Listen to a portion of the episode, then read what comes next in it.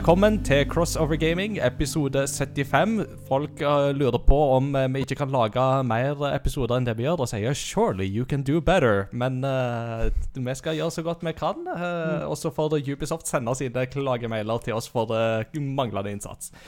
Jeg heter som vanlig Ingar Takanobu Hauge. Peter Gjøskjell heter som vanlig Peter Gjøskjell. God dag, god dag. Og vi er ikke alene, for uh, denne gangen så har vi fått IF-besøk igjen. Han er tilbake. Han har vært med tidligere et par ganger, og nok en gang så er han tilbake for å dele av sin strålende kunnskap og gode humør.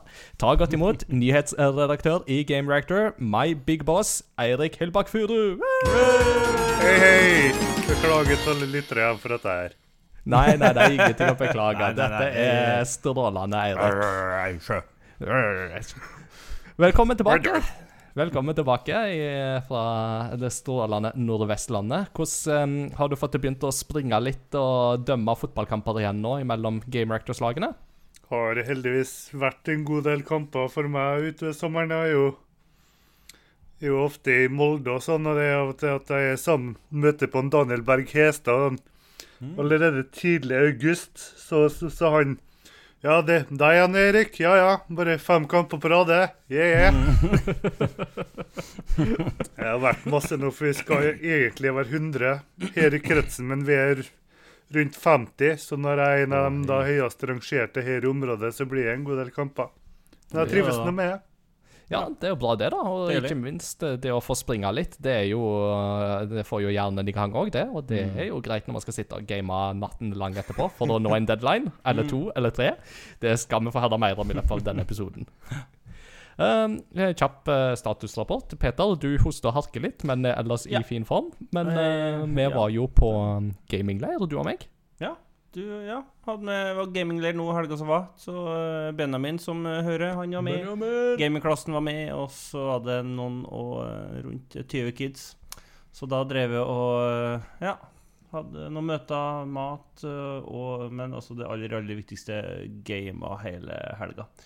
Uh, ut i det sene nattetimer. Og det, det er alltid noe spesielt når du kan samle så mange uh, unge og game med dem. Uh, det blir en helt spesiell stemning, og det å Ja, det, ja jeg blir syns det er kjekt å kan vise unger at eh, du, det er ikke bare noe du gjør når du er i tenåra, men du kan faktisk være eh, voksen eh, kristen gamer og synes at det er kjekt å få ting til å fungere. Mm, Uh, ja, og det, så det er en veldig, veldig givende leir. absolutt. Mm. Jeg har ikke vært leder på ca. 15 år jeg, på leir, så det kjente jeg. Det var, jeg kjenner, for, for å si som godeste Obi-Wan Kenobi I'm getting too old for this sort of thing. Mm. Men uh, moro var det likevel, så får vi se om det blir 15 år til neste gang. Ja.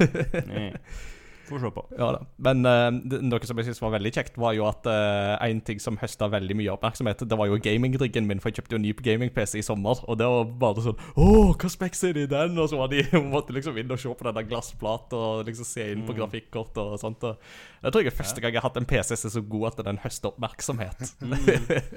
så det er en god følelse. Det kan anbefales. Du og Benjamin. Det, Ja, ja, Benjamin, Benjamin hadde jo tanks. Han hadde en tanks, og den veier jo sånn 20 kilo og har jo 3090-kort i sin PC og, og sånt, så det var Nei, så sånn var det. Mm.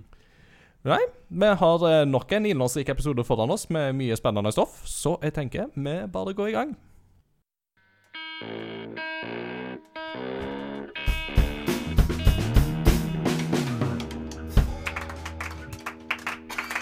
Ja. Eh, himmelsk lyd fra ungdommene. Eh, nå er det ukens kunngjøringer. Det skjer litt på et par uker, så jeg tenker at eh, vi begynner på toppen. Og så får Eirik og Peter Dere får bare slenge inn eh, ting hvis det er noe jeg eh, glemmer, og som dere har lyst til å snakke om. Så vi begynner bare på toppen. Det har vært State of Play, en ny PlayStation-visning. av Denne gangen av litt mer i indie-spekteret, eller ikke tredjepartsspekteret.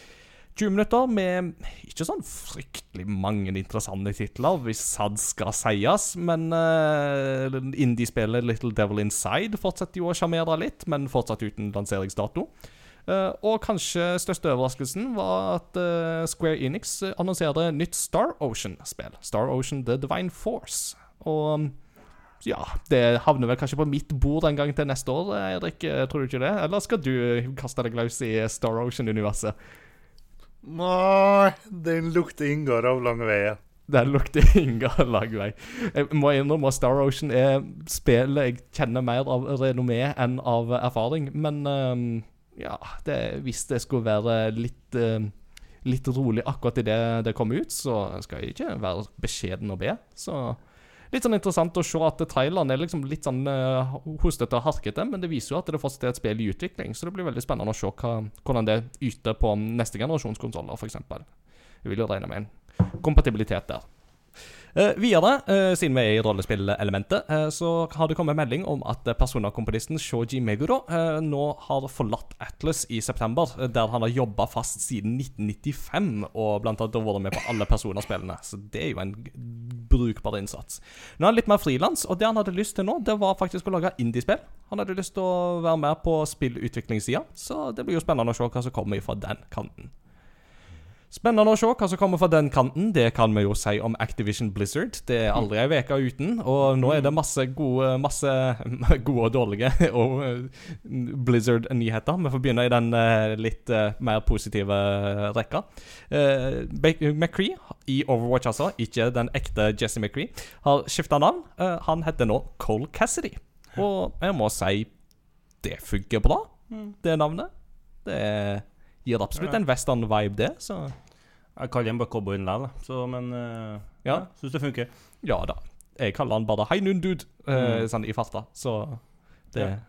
sånn, sånn går det. Jeg så jo at du hadde kommentert det når jeg først skrev at de skulle bytte navn på noe, Ingar. At du hadde dine teorier. så liksom Synes du de burde ha gått for en av dine teorier, eller synes du ærlig talt at Cole Cassidy er en grei løsning? Nei, altså, jeg syns at Cole Cassidy eh, gir, fungerer helt fint. Det er, altså, det er et helt enkelt og greit navn å huske i farta, med bokstavrim og det hele. Cassidy gir jo absolutt en western-vibe med Butch Cassidy and The Sundance Kid, som gir mening sånn sett.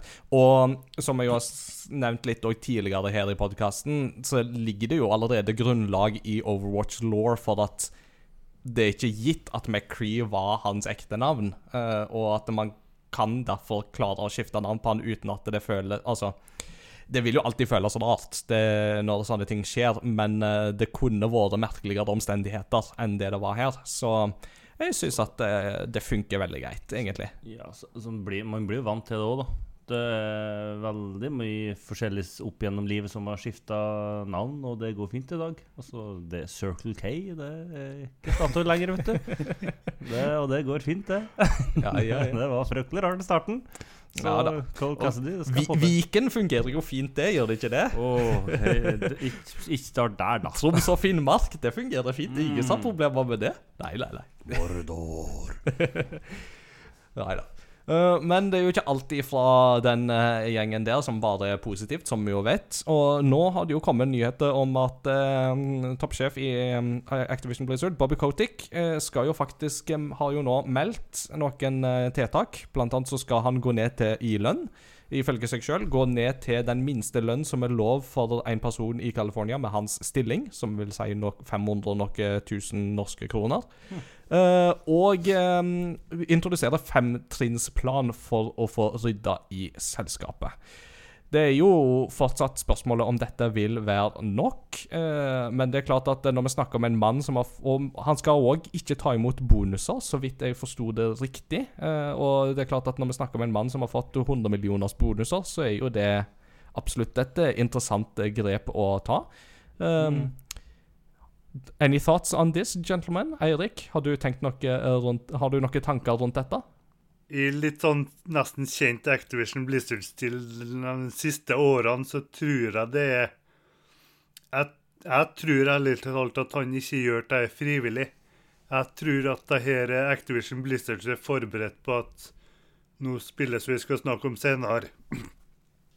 Call of Duty Vanguard, Mm. pluss da utsettelsen av Overwatch 2 og Diablo 4, at de aner at akkurat investorene ikke kommer til å bli særlig imponert når finansåret avsluttes i neste april. da. Mm. Så jeg tror rett og slett at det her er hans forsøk på å ikke få alt hatet til investorene igjen, for det fikk han for et par måneder siden, når de begynte å diskutere hvorfor alle dager de igjen sier opp folk, og han allikevel får seg bonusene sine på flere hundre millioner. Mm. Så tror ikke han altså, Om han så går ned til minstelønn, så tror ikke han sliter økonomisk av den grunn. det høres ut som han gir det særdeles greit. Jeg tror han har penger på bok, for å si det sånn. Hvis ikke så hadde jeg vært mildt sagt bekymra, hvis Mm. han ikke har litt å gå på. Ja, Så det det- er liksom det. Mm. Nei, men altså, mm, eh, eh, altså For all del, det er jo fortsatt nok å ta tak i, men det er i alle fall et steg eh, Det er i alle fall ett steg i riktig retning, tenker jo jeg, da. Og Mm. jeg tenker jo sjøl tilbake på da da Nintendo sleit ganske mye med finansen i Wii U-årene, så var det jo veldig mange som eh, ropte etter Iwatas hode. Men han, hans valg da var jo å halvere sin egen lønning og stå i stormen og rydde i det hele framfor å overlate det til andre. Mm. Og jeg tenker jo det at det, det eh, Jeg skal ikke akkurat likestille Bobby Kotick og Satoru Iwata i eh, lederevner, langt ifra. Men jeg tenker at det vitner i alle fall om at det, det er en, et, en viss innsatsvilje er det i alle fall. Og så får vi jo heller spørre om det er nok. Men det vil jo bare tida vise. Så vi får bare håpe at det er. Så er det litt hva den fem punkts, fem, femtrinnsplanen går i òg, da. Det vet ikke, Jeg har ikke sett den. Så det, men det, de vil jo tydeligvis prøve å fikse det, i hvert fall. Mm. Så får vi jo se hvordan det går. Ikke sant. Eh, I eh, forlengelsen av dette så har jo du allerede nevnt at eh, Diablo 4 og Overwatch 2 blir eh, utsatt. eh, trolig så lenge som til 2023. Eh, og det er jo klart at for de som vil spille Overwatch på 2 på Switch, så begynner det jo kanskje å lukte av litt fare for om det kommer til å gå eller ikke. Um, men det er klart at um, sommerens påkjenninger har jo absolutt gjort sitt for å gjøre noe med arbeidsmiljøet i Activision Blizzard. Jeg har veldig forståelse for at det er mange som ikke har klart å gi 100% i den perioden der. Og det er òg veldig forståelig at Activision Blizzard vil få disse tingene litt på avstand før de kommer med disse storsatsingene. Så Men igjen, det, jeg tenker at eh, de må bare ta tida til hjelp og gjøre det de kan for å lage gode spill her. Og Mm. det er egentlig La de som er på gulvet og lager disse tingene her, la de få lov å lage den beste visjonen de kan, uh, ut ifra de beste vilkårene de kan få. Og så Ja, så får vi se. Uh, I sommer så fikk jo òg selskapet to nye sjefer. Uh, der en av de var Jen O'Neill, eh, men hun går nå av som en av disse co-lederne i Blizzard etter bare to måneder. Det er vel fortsatt ikke avklart hvem som erstatter, men eh, det er vel Mike Ibarra som er co-leder sammen Har vært co-leder sammen med henne, så han fortsetter å styre skuta, i alle fall enn så lenge.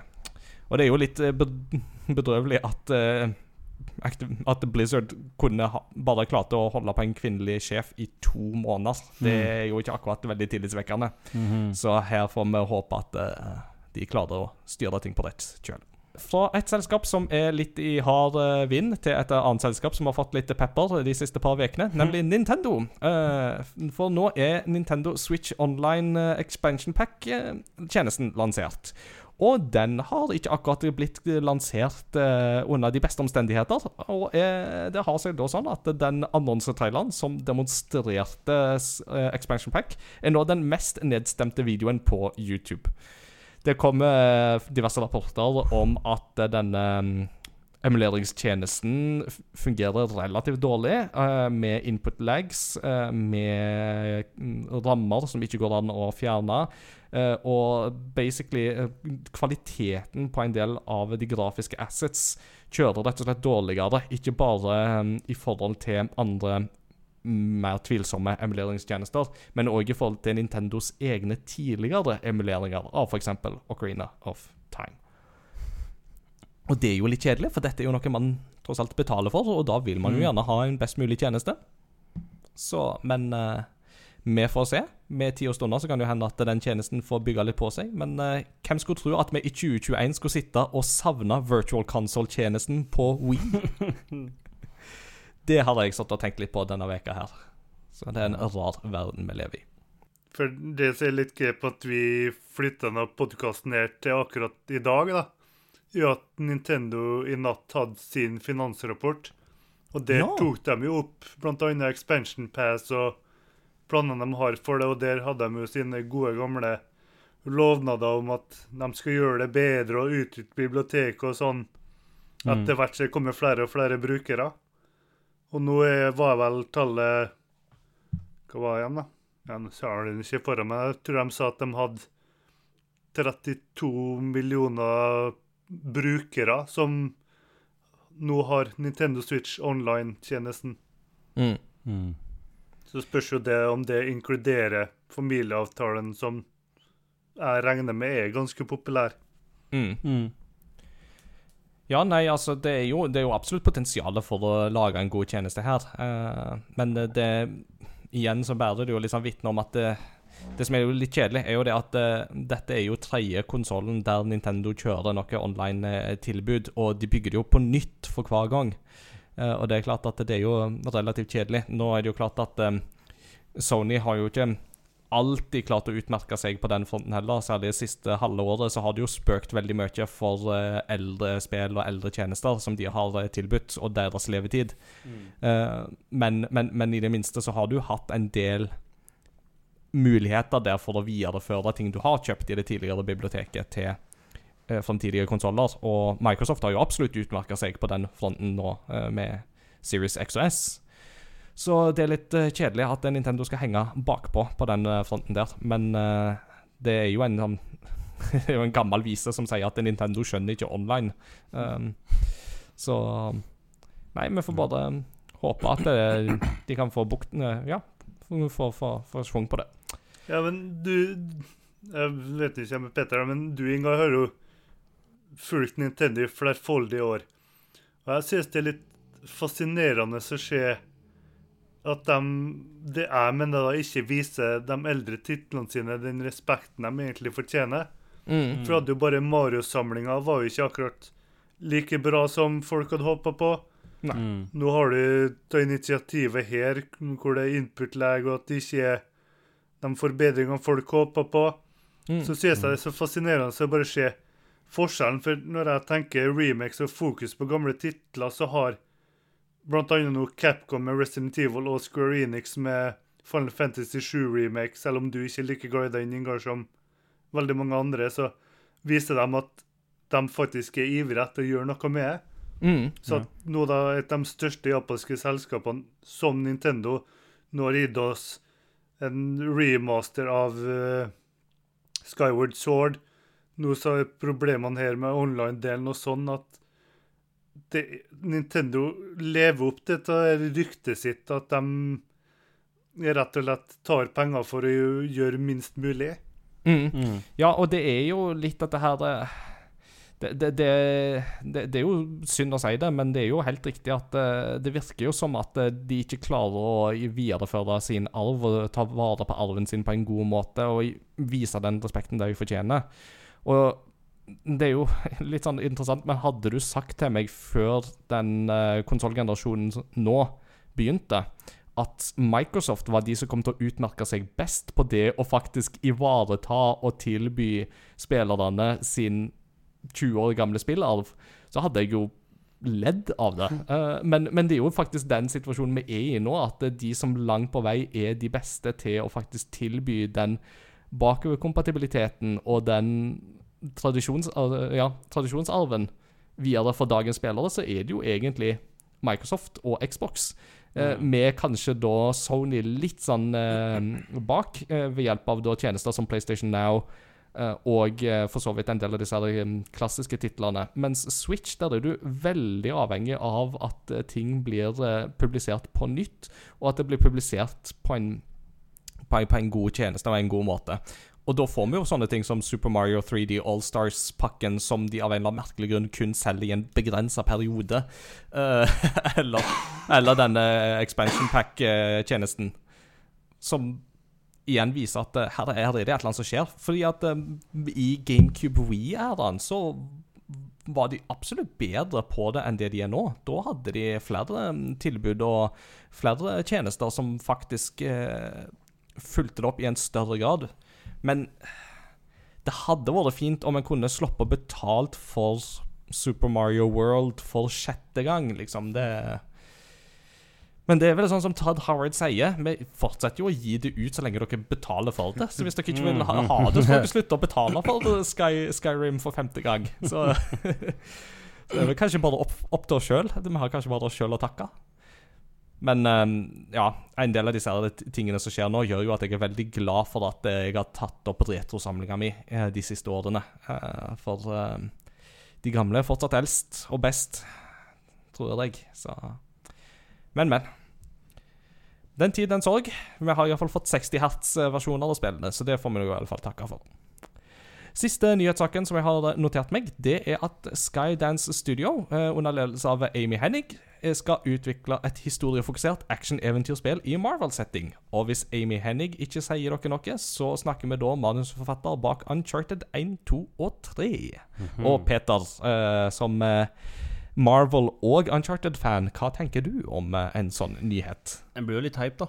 Ja? Gjør det. det uh, Uncharted uh, er jo fantastisk bra, og uh, storkost meg jo. Jeg spilte jo dem nå senest i eh, fjor. Eh, fireren spilte jeg i år. Eh, men spesielt Uncharted uh, skal vi se, toeren er vel bare helt Helt fantastisk. Eh, gode, gode spill, og nå blir det jo film av det òg, så det er jo òg også veldig, veldig stas.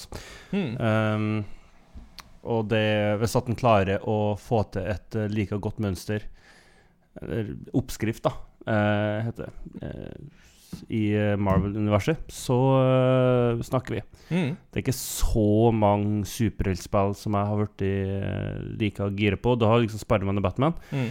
uh, som eh, har gjort det veldig, veldig bra. Eh, bortsett fra det så har ikke, jeg, har ikke jeg spilt så mange spill som har vært like Synes har vært like bra, ja, med unntak av Lego, eh, som alltid er bra. Lego utmerker seg alltid. Ja, ja, Men, eh, men, men eh, hvis du mm, Hva for noen superhelter ville du helst ha hatt i et sånt spill? Uh, uh, det Det er jo uh, nesten lettere å Eller sånn som Captain Marvel vil jeg ikke ha. For jeg, hun blir så god. Det er litt som når du putter Supermann i en film. Det er ikke kjekt lenger. Uh, du vet at det går bra. Selvfølgelig, Du klarer sikkert å lage det, få det godt, men uh, jeg syns Supermann er en fryktelig kjedelig superhelt. Iallfall når han er vanlig. ja, og Captain Marvel er jo i nærheten av samme kaliber der. Mm. Uh, men selvfølgelig Iron Man eh, er jo veldig god stemning. Det virker så kjekt å fly rundt med han hvis det blir gjort godt. Du må teste det VR-spillet som jeg har. Iron Man VR. Eh, veldig gjerne. eh, Spiderman, alltid god stemning. Eh, sikkert noen i Guardians of the Galaxy som du kan putte inn her. Mm. Eh, ja, nei, det, Ja. det er Lista kan jo bli ganske lang, tror jeg, hvis den først begynner. Ja. Men uh, Vi, vi sitter jo her med nyhetsguruen eh, Eirik sjøl, og Eirik pleier jo å ha noen eh, gode feelers for eh, hva som kommer, og hva som ikke kommer, og hva som er av rykter som kan eh, tas på ordet og ikke. Og Eirik, du, du har et par eh, Du har vel skrevet en nyhet om hva vi, hva vi sannsynligvis kan se på her, har du ikke? Ja, for vår kjære Kevin Smith har jo holdt på med podkast en god stund nå. Mm. Sammen med sin uh, gode venn uh, Mark Bernardin. Og i en episoden de hadde på onsdag, var vel, så innrømte Bernardin at han er med å hjelpe å skrive manuset på Skydance sitt Marvel-spill. Yes, Ja, ikke sant? Og sånn tidlig da, så sa han Kevin Smith liksom En gang han sa det, så sa han at Smith sa liksom Nå må jeg være forsiktig, for jeg, jeg vet mer enn hva jeg helst bør si. Mm. Men så, så Gode, gamle Kevin Smith fortsetter å snakke, og han sa liksom bare Det virker som om mesteparten, eller en, en i chatten allerede har rett og slett naila akkurat hva det er snakk om. Og da la jeg merke til at nesten alt som var i kommentarfeltet, var enten Ant-Man eller Fantastic Four. Ja. Så for meg så høres det ut som det er en av dem to. Mm. Stemmer. Det vil jo være veldig sannsynlig, tenker jeg. fordi at Mm. eh, nå har vi jo hatt et Avengers-spill med Miss Marvel. Uh, vi har uh, Spiderman, og vi har et nytt Spiderman på vei. Vi har et Mm. Wolverine-spill på vei, det vet vi jo. Uh, Guardians of the Galaxy har jo akkurat fått et spill som jo mm, var overraskende. uh, altså, som folk eh, var litt sånn overraskende positive til. Um, og da er det jo litt sånn Hvor går vi derifra? Um, så tenker jeg jo at uh, det høres jo ikke usannsynlig ut å ta Fantastic Four særlig. Uh, er jo en sterk uh, merkevare fortsatt, selv etter en under, mid, under middels dårlig film. Nå var jeg spent på hvordan du kom til å beskrive den. ja. Pardon my French, it was not Mm. good. nei da. Eh, nei, så vi får se hva, hva, hva de faktisk kan koke sammen. De, mm, Amy Hennig eh, sitt forrige prosjekt var jo å skrive et um, Star Wars-spill for um, Visceral Games, og det gikk jo ikke så bra. Det, hele det studioet ble jo kansellert, og det spillet ble jo òg avlyst, så nå får vi håpe at uh, de, de får bedre sjanse denne gangen, da. Mm.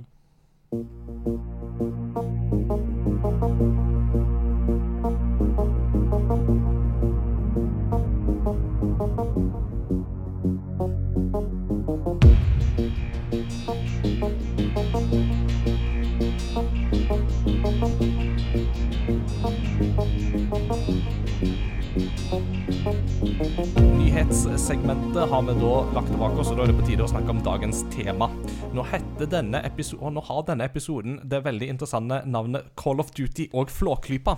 Men jeg tenker at eh, Flåklypa skal vi spare til del to. eh, Men hovedgrunnen til at vi kan ha den tittelen, er jo fordi at begge spillene slippes denne veka.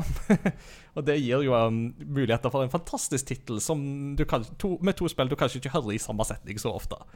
Så, men Call of Duty Vanguard slippes jo i dag mens vi tar opp. Eh, og du må vel omtrentlig ha bodd under en stein for ikke å ha hørt om Call of Duty-serien som spiller. Um, og Eirik, du har jo um, fått testa og anmeldt uh, på både norsk og engelsk Call of Duty Vanguard. Så uh, vi kommer jo til å plukke hjernen din litt her på deg. Men um, sånn innledningsvis, hva er det generelle forholdet til Call of Duty-spillene? Og da har jeg litt lyst til å begynne i din ende, Eirik, for uh, dette er noe jeg ikke tror jeg vet. Liksom, hva er liksom ditt generelle forhold til serien? Jeg er nok den gode gamle klisjeen at jeg ikke hoppa skikkelig inn i Call of Duty før Call of Duty 4 Modern Warfare. Ja. Mm. For nå hele 14 år siden, nesten til dagen. Men siden den gang så har jeg dykka ned i alt. For jeg liker rett og slett kontrollene. Jeg liker fokuset på historier mange av dem har. Som det har blitt enda mer fokus på. Jeg liker zombies-modusene, for jeg liker å samarbeide med folk i slikere ting. Så jeg har rett og slett hatt i alle fall det tetteste forholdet i hele Game Rector da, til Call of Duty. Mm. Selv om jeg er en av de flere nå som virkelig synes at det har gått nedover etter clinch med det originale Infinity Ward, og etter vil si at de har prøvd å melke kua litt vel tørr etter For å være snill, så hadde de i alle fall kvalitet, god kvalitet, helt eh, til, til og med Modern Warfare 3, vil jeg si. Mm. Riktig. Uh, og Peter, uh, for din del, uh, du òg har jo noen timer i Call of Duty. Uh, etter Mm. hvert, i alle fall i Warzone. Eh, Mm. Men hvor er liksom din Call of Duty-reise? Hvor begynte den, sånn omtrentlig? Og hva er ditt sånn forhold, forhold generelt til serien? Den begynte nok uh, litt tidligere enn det aldersgrensa tillater. Det gjorde den jo. Men- Vi, vi skal ikke lyge, og på denne podkasten skal vi snakke sant. Uh, så det Eh, jeg tipper jeg begynte på type ungdomsskolen en gang. mm. Eh, akkurat hvordan Call of Duty det var, det husker ikke jeg på. Eh, men det er liksom Jeg har flest timer i, det er jo eh, Call of Duty uh, Modern Warfare 2. Mhm. Eh, uh, ja. Den, uh, jeg- den storyen har spilt utallige ganger. og blir fortsatt. Altså, for meg så er det fortsatt det beste Call of Duty-spillet, tror jeg. Sånn Mm. som jeg kan komme på. Nå uh, hos så mange like navn i spillet at jeg kommer ikke på akkurat hvordan eh, de andre spillene er. Men det er liksom Det er noen av de oppdragene der, og det er noen av de plot-twistene der som Ja, det, det, det gjør jo vondt å tenke på den dag i dag. Mm. Eh, som sagt, i forrige episode så fikk jeg jo tilse- tilsendt et bilde av Godspark, og det var bare sånn Du, du kjenner det knyter seg i magen, liksom. Mm. Eh, når du ser at du henger over skuldra til Ghost inn mot flyet, og du vet hva som skal skje.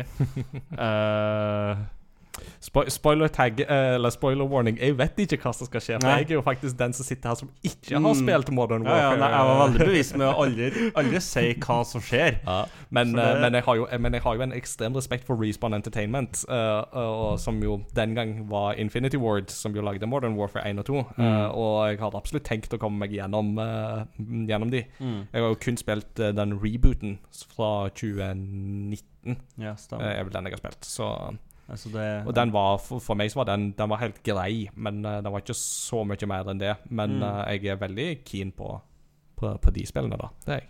Ja, det, nei, både Jeg for så vidt var ener nå, så har det noen veldig gode Jeg syns det er gode storyer. Mm. Du knytter et veldig sterkt bånd til de karakterene Ja. du uh, spiller og spiller med i de spillene der. Så det er det, Så der var det nok det starta sånn skikkelig for min del. Mm. Og så har det vært veld, det har vært veldig av og på. Jeg har alltid, vært, altså alltid kost meg med Call of Duty. Mm. Eh, uten at jeg måtte ha liksom plukka opp hver eneste nye som har kommet. Eh, også Warzone har det jo gått eh, hardt i da, det siste, Mm. siste halvannet året. Det har det. Du og så mange andre. Mm. Nei, jeg, jeg, avslører vel min, eh, jeg avslører vel min alder når jeg sier at mitt forhold med Call of Duty begynte med Call of Duty. Altså, det Ja. første, aller, aller første Call of Duty, det er jo det jeg egentlig har noe forhold til. Uh, Hvordan som, blir det? Hmm? Hvilket år blir det? Ja, hva år? 2003.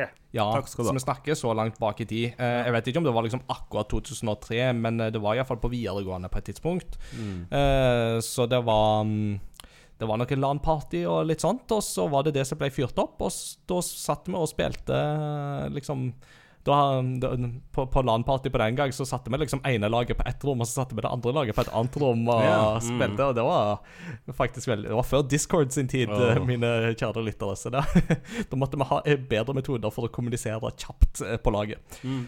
Um, og det er vel der jeg har spilt uh, historiedelen òg. Da snakker vi jo tilbake i andre verdenskrig. Liksom. Det var på den Mm. tida det fortsatt var hot og nytt, og ikke mm, brukt opp til det kjedsommelige. Mm. Uh, og jeg husker fortsatt uh, slaget ved Stalingrad, når du skal springe opp fra elva og springe opp til byen i, liksom mellom piggtråd og mitraljøse ild, mens da salmen 'Å djup i Jesu kjærleik' spilles i bakgrunnen, sånn med melodien, og det var sånn det, det er sånn kontrapunkt eh, som Det er sånn for, For deg som på en måte klarer på en måte øh, å fange opp øh, de kontrastene som da er i det øyeblikket der, mellom lyd Mm. og bilde og det som skjer, og liksom implikasjonene ved den melodien og teksten der, så er det bare sånn at dette her, det er faktisk veldig, veldig bra laget. Dette er bra. Dette, dette fikk de til.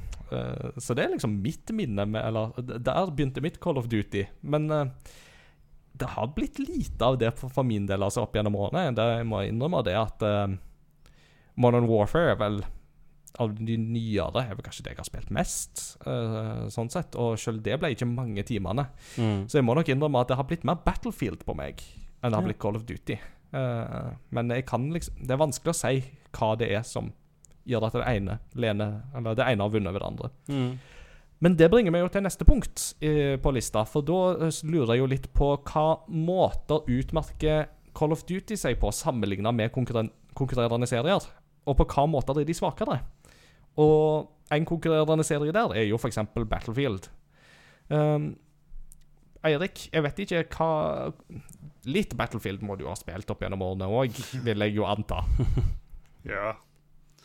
Men det eneste jeg har spilt skikkelig helt gjennom, er faktisk Hardline av alle ting, så det Av alle ting. Ja. Snakk om Vicarious eh, Visions her i stad, så Men uh, som du sier, jeg er jo i gåseøyne det folk kaller en nyhetsguru, så jeg følger jo alltid spillene tett og sånn. Så jeg føler at jeg har en oversikt over hvorfor hver av de franchisene er interessant for et ulikt publikum. mm. Og jeg er nysgjerrig på årets spill òg, for jeg har alltid vært nysgjerrig på Battlefield, men det er alltid at Battlefield har mer føltes som en PC-serie for min del, pga. at det selvsagt nå starter på PC, Mm. Og at nå er jeg en gammel traver som bare har blitt, blitt stuck in my ways siden nå, da. Mm. 2005-2007 med Call of Duty, eller før det med Medal of Honor og litt sånn. Så jeg har rett og slett bare Og siden de nå vanligvis har konkurrert på samme tid av året, så har det bare vært å holdt meg til Call of Duty og ikke tenkt på Battlefield. Mm. Jeg, jeg kan jo skyte inn eh, min teori på det, men altså En ting som jeg alltid har følt at Battlefield har skåret bedre på enn Call of Duty, har jo vært liksom den der Nettopp det som ligger i navnet, nemlig Battlefield. Altså det store slagmarksimulatoraspektet ved Battlefield-serien. Eh, det var jo det Battlefield 1942 Det var jo det de begynte med, var jo disse store slagmarkskildringene fra andre verdenskrig, der det var ørten folk som kasta seg ut i ett og samme slag mot hverandre, som jo på den tida var ganske nytt og revolusjonerende, egentlig. Det var ikke det var ikke sånn som i dag at du har liksom Fortnite som bare slenger inn 100 spillere i en kamp rett til det. Nei det, det var altså På den tida var det jo noe helt annet å ha liksom et så stort slag der hver enkelt soldat på slagmarken var kontrollert av en spiller. Eh, og det aspektet ved liksom å ha de store slagene der, føler jeg jo fortsatt at uh, Battlefield får til veldig bra i spill som f.eks. Battlefield 1 og Battlefield 5. eh, der du har gått tilbake til henholdsvis første og andre verdenskrig i, igjen. Eh, mens Call of Duty føler jeg jo har vært mer eh, gode på liksom den enkelte spillerfokuserte opplevelsen. Eh, der eh, fokuset ikke nødvendigvis har vært på de gigantiske eh, slagene med 60 pluss spillere, men hvis du har liksom de tettere konfrontasjonene, så føler jeg nok at der er Call of Duty et, en serie som leverer en bedre opplevelse med mer intens action, kanskje bedre våpenfølelse, eh, og ikke minst et kartdesign som er tilpassa disse mindre skalaene. Eh, mens svenskene i Dice er veldig gode på den store skalaen, så har du de forskjellige Activision-studioene klarer veldig mer den der litt smalere, det mindre fokuset. Uh, føler dere at jeg treffer her, eller er det helt bomskudd? Uh... Jeg tror du treffer veldig godt, for like Ja. som Petter sier, og du, du har blitt mer interessert i Warzone i det siste nå. Jeg tror at populariteten til Warzone viser akkurat det du sier, Ingar, at i alle fall dagens publikum er, er litt mer interessert i det sosiale og kunne snakke med venner og kunne Mm. puste mellom hver gang de faktisk møter på folk. Mm. For det som er poenget med Warzone, og du har faktisk tida til å snakke med folkene rundt deg og bare puste, nyte litt omgivelsene, litt sånn i Battlefield-aktig stil. Mm. Mens nå med noe Vanguard og alt annet, så er det som du sier, det er små intense opplevelser hvor du kanskje er i live i 20 sekunder før du da dør. Da blir det liksom ikke den koselige praten vi har her nå, eller noe sånn, eller bare sitter og slapper av. Du sitter på kanten av stolen hele tida, mens Battlefield nå lar deg puste ut, fokusere på det sosiale, bare kos deg rett og slett i ei åpen slagmark, da. Mm. Og så er vi kanskje òg Nå har jeg jo aldri testa Battlefield på konsoll, men uh, det kan jo hende at uh, Call of Duty utmerker seg bedre på konsollfronten enn det Battlefield gjør. For som du sier, Battlefield føles på en måte mer i sin natur som en PC-serie. Uh, men eh, igjen, det blir, litt, det blir litt å skyte for hofta, da. Pun not intended. Mm. For. Call of Duty er jo en serie som har eh, opp gjennom årene Vi kan vel si det har høsta mye oppmerksomhet, eh, og ikke alltid til det positive. Eh, det er jo en spillserie med relativt høy aldersgrense, som regel òg en velfortjent høy aldersgrense. Og, men, men ofte så har jo serien blitt tråkket fram som en syndebukk i kjølvannet av tragiske voldshendelser og skyteepisoder. Hva skal man si i møte med sånne påstander? Er det noe hold i påstander om at Call of Duty eh, gjør eh, kidsa til massemordere, eller er det Eller er vi gamere for kjappe med å avslå dette som at eh, nei, dette er bare løse konspirasjonsteorier? Jeg er litt nysgjerrig på dere siden først nå. Hva tenker du, Peter? Har du, har du blitt et voldelig massemorderiske monster av uh, ditt uh, møte med Call of Duty i en altfor ung alder? Jeg foretrekker å ikke snakke om det jeg gjør etter klokka åtte. Eh, at folk blir voldelige av skytespill, eh, det er så lite hold i det. Eh, ja.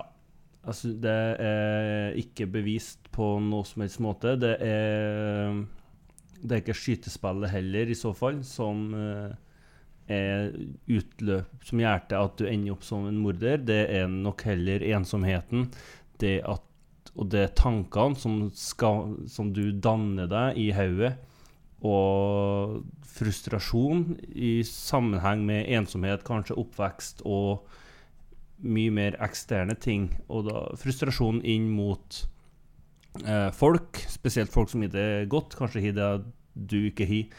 Eh, ja, og så er det ja, De driver med gaming fordi det er lett tilgjengelig. De kan kanskje få ut litt frustrasjon. Mm. Ja, altså, jeg, jeg, jeg, er jo der at jeg tror jo heller det at det å ha en mulighet som gaming, f.eks. Det å faktisk av og, til, av og til så er det det du trenger i hverdagen. Det er å skyte virtuelle fiender. Eh, for eksempel så har jeg jo det siste året har jeg jo snakka litt om det der med hvor godt det egentlig føltes da koronaen brøt ut i Norge og alt stengte ned. Så var det timinga på lansering av Doom Eternal var jo helt perfekt. For det var liksom Ja, ja. akkurat det du trengte der og da. Mm. Det var å skyte noe. Ja.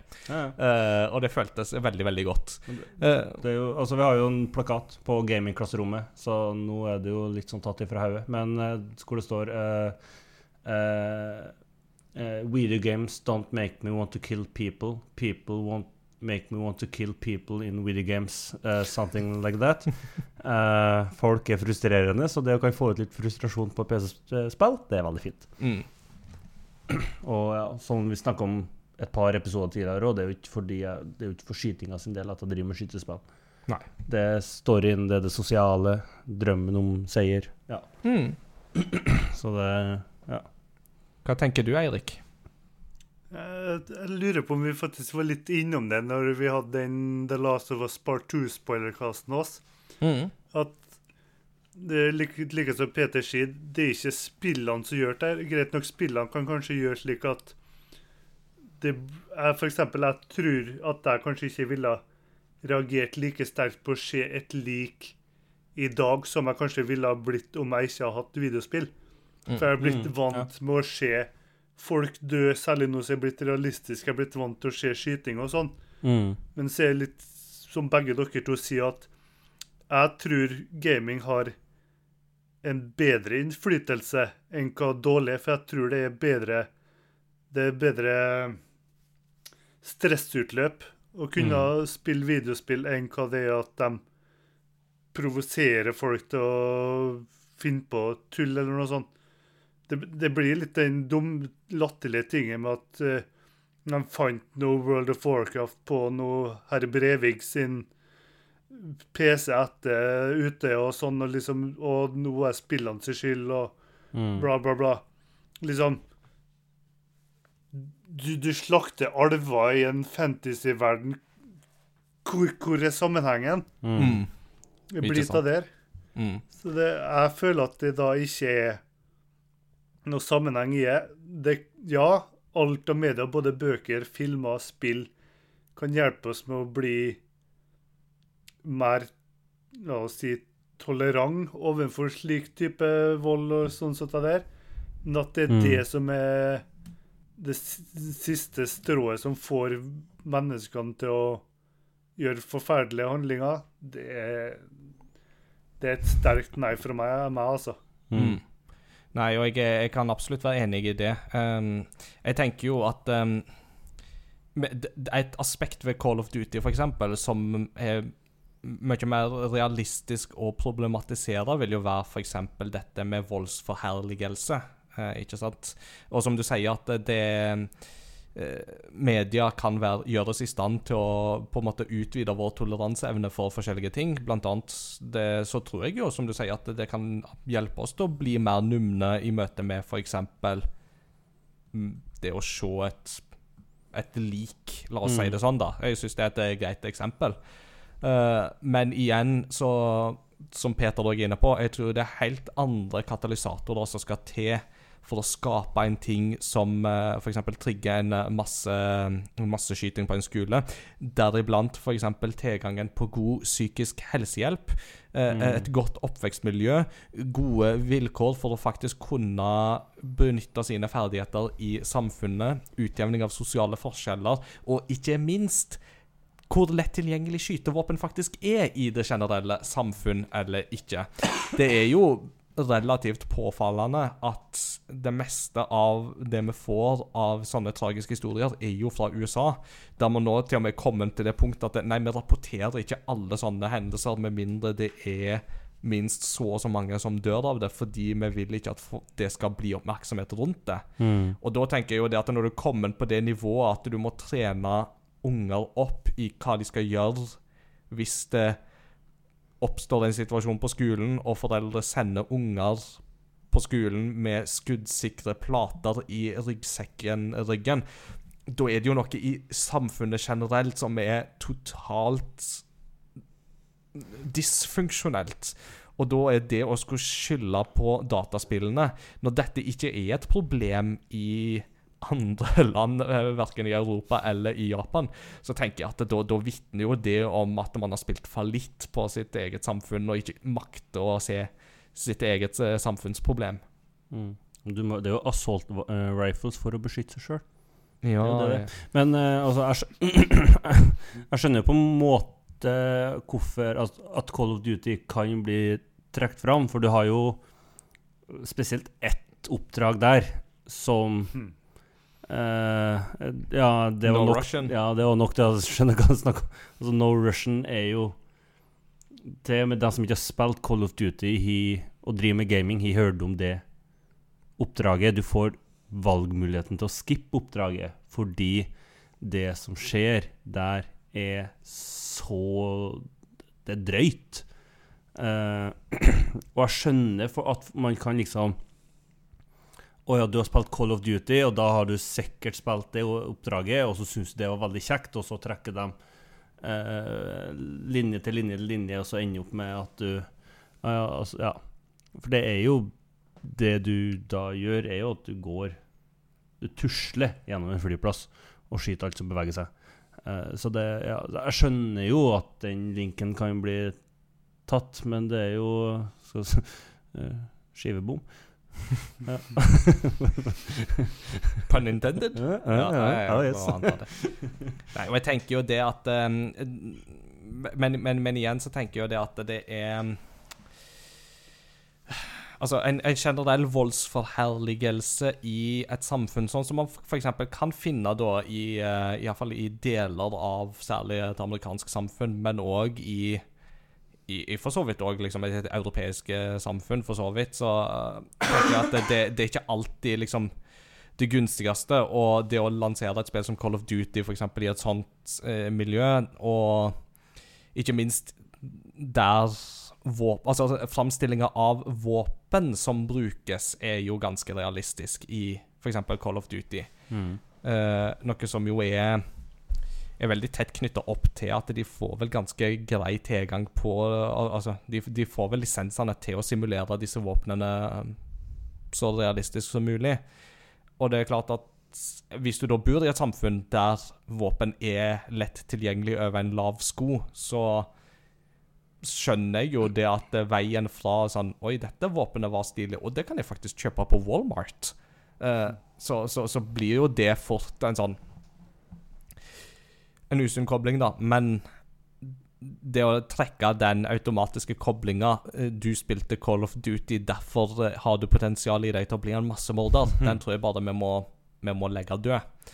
Um, ikke minst fordi at um, dette syns jeg alltid er litt gøy uh, å trekke fram, og det tror jeg enkelte folk kan kjenne seg igjen i òg. Men noen undersøkelser viser jo det at ja, spill kan uh, framkalle aggresjon, sinne og frustrasjon, og det kjenner vi jo gjerne godt igjen. Men de spillene som jo gjør det mest, det er sportsspill, inkludert Fifa. Mm. Og det tror jeg at det er mange fotballspillere der ute kan kjenne seg igjen i. Oh, yes. Når vi nå har snakket om Call of Duty generelt, hvis det ikke er noe mer å tilføye i den debatten, så tenker jeg at uh, vi kan vinkle det over på det nyeste spillet i serien, nemlig Vanguard. Uh, og dette er jo en exclusive scoop for, uh, for, for oss i podkasten her. For Eirik, du har jo sittet med det før av hverandre, Du har fått det anmeldt det, og du har det lang fartstid med Call of Duty. Så hva kan du fortelle oss om Vanguard, og hvordan stiller det seg sammenlignet med tidligere spill? Litt som jeg tror Kort sagt, da. Det, det er et godt spill. Ja. De, de har introdusert noen ødeleggbare miljøer.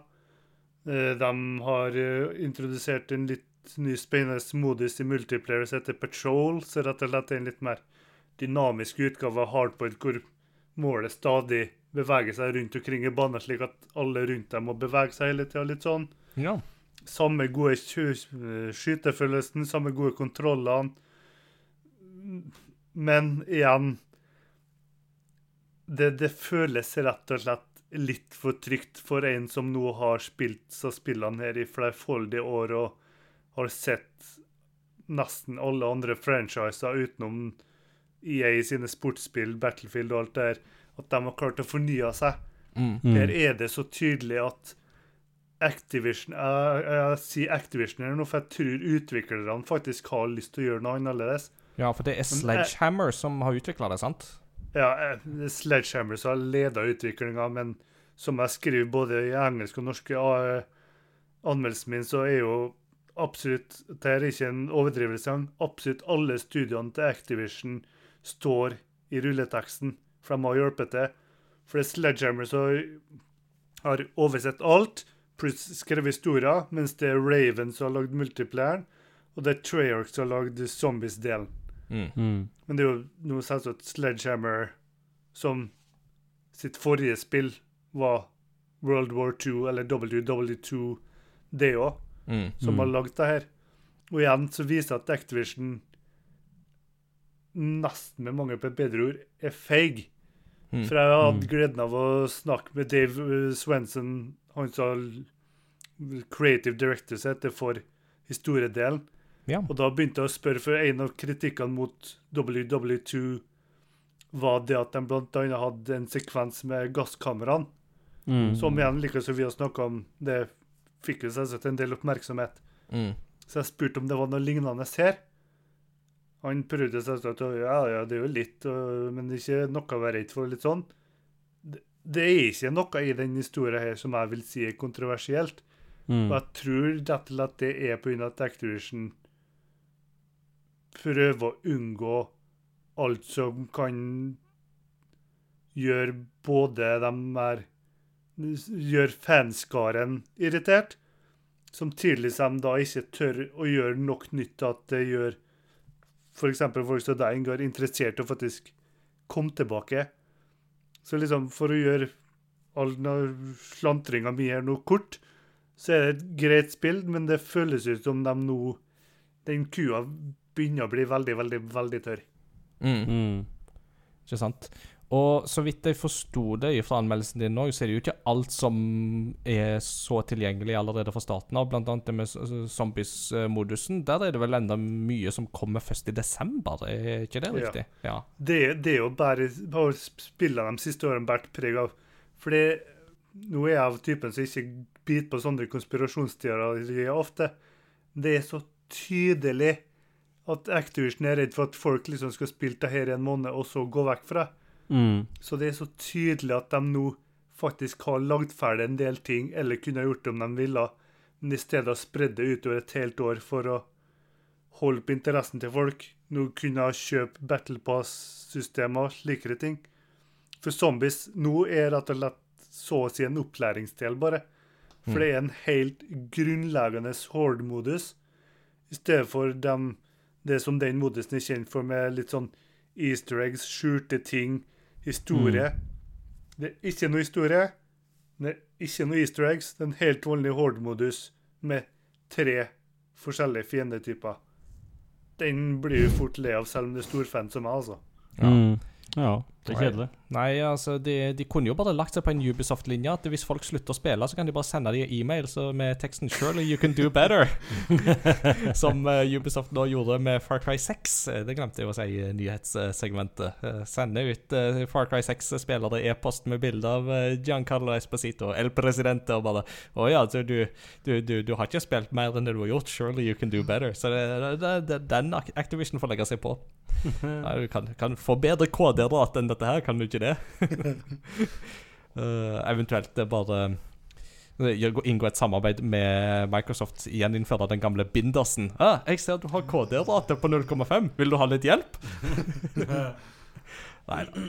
Uh, men det er jo et interessant spørsmål. Altså, nå, nå, nå vil vi jo selvsagt ikke ta for deg alle poengene. For hvis folk vil ha absolutt alle poengene dine om hvordan Call of Duty Vanguard faktisk er, så må de jo gå på Game Reactor og lese anmeldelsen. Uh, og det vil jeg anbefale at de gjør. Mm. For um, Eirik vet det veldig godt hva han snakker om når han snakker om Call of Duty. Det um, Såpass mange anmeldelser av Call of Duty har jeg lest eh, av deg at jeg føler jeg får veldig godt innblikk i, i serien. da.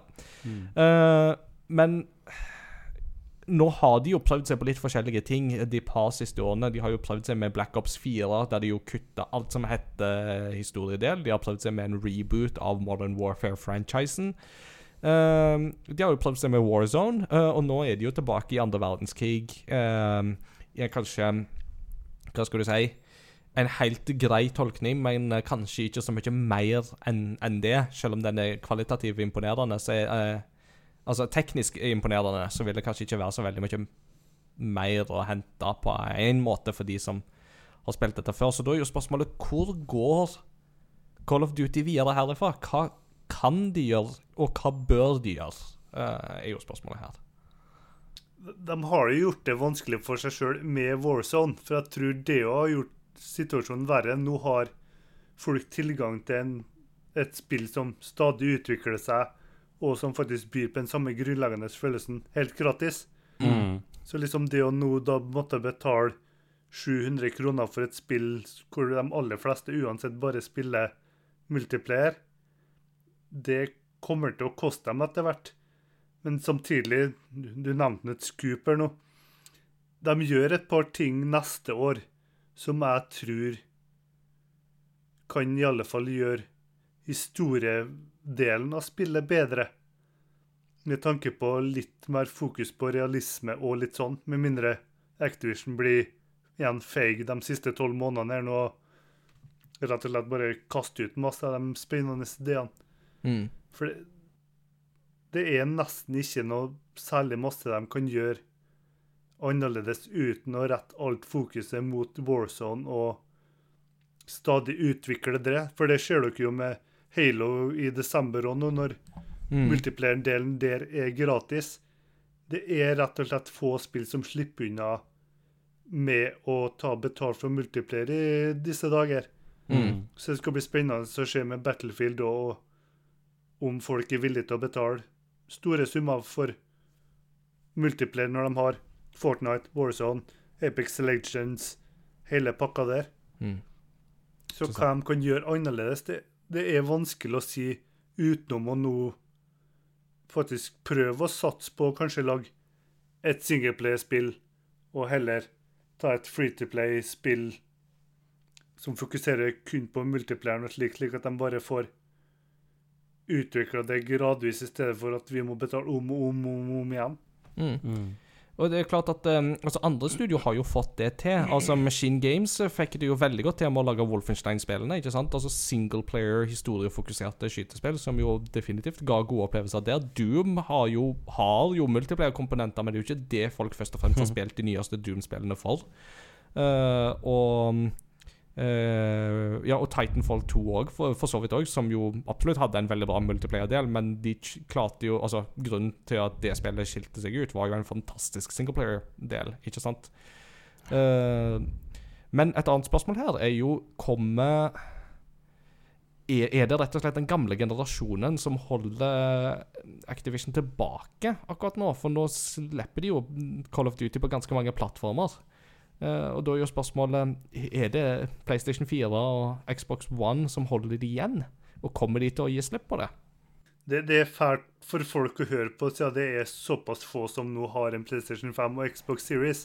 Hm. Men jeg tror absolutt ingen serier, uansett om det er Call of Duty, om det nå til og med er God of War, selv om de har sprudla seg opp med re, rebooten nå Jeg tror ingen av dem kan klare å ta nye steg før de legger alt fokuset på den nye generasjonen. Mm. For folk kan si hva de vil. Den nye generasjonen byr på en rekke fordeler som kan bringe spill, nye spillopplevelser som ikke er mulig på de gamle konsollene. Mm. Så om noen skal kunne klare å virkelig friske opp det her, så må de få lov til å rette alt fokuset mot PlayStation 5 og Xbox Series med lynrask lasting, dual sense-kontrolleren som Xbox kommer til å prøve å kopiere. Mm. Slikere ting. Men når det er sagt, igjen, det er få PlayStation 5 og Xbox Series ut der. Mm. Så du kan være trygg på at Activision De kommer nok til å slippe årets spill på PlayStation 4 og Xbox One og bare pga. at de nå er vant med å ha hver verdens bestselgende spill sammen med Fifa. Så jeg er redd for at det i alle fall kommer til å ta to år før de er villige til å virkelig gjøre noe nytt ved å bare bringe spillet til PlayStation 5, Xbox Series og PC. Mm, ikke sant.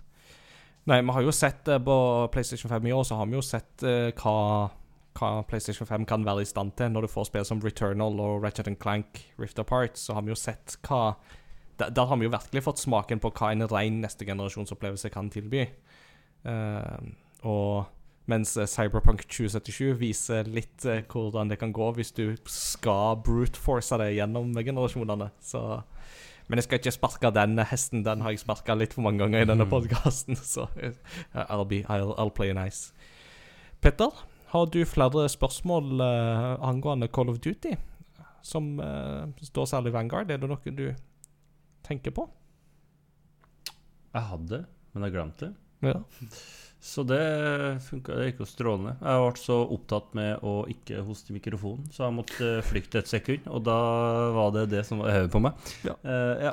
Men det var et veldig godt spørsmål, som hadde egentlig forklart alt som dere lurer på inn mot Call of Duty. Så ikke sant.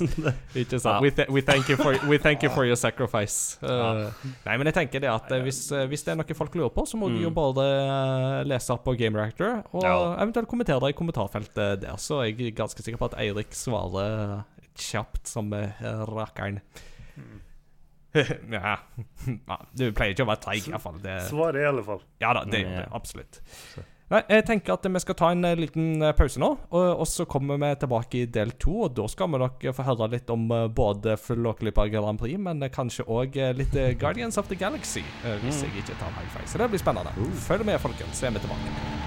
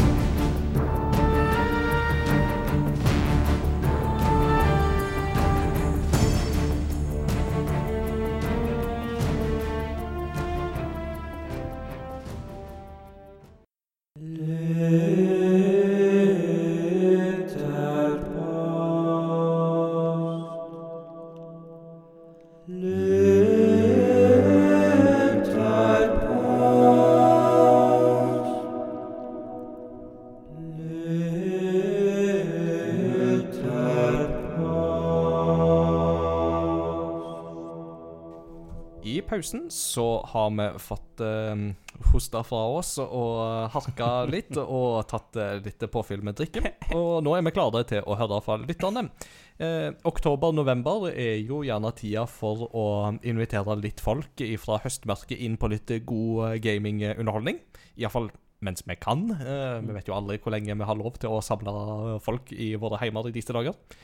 Men uh, i den anledning så lurte jeg på hva partyspill, altså spill som er morsomme å dra fram i sosiale settinger, er din favoritt? Og før vi da kommer med våre egne innspill der, så må vi jo selvsagt høre fra lytterne, tenker jeg.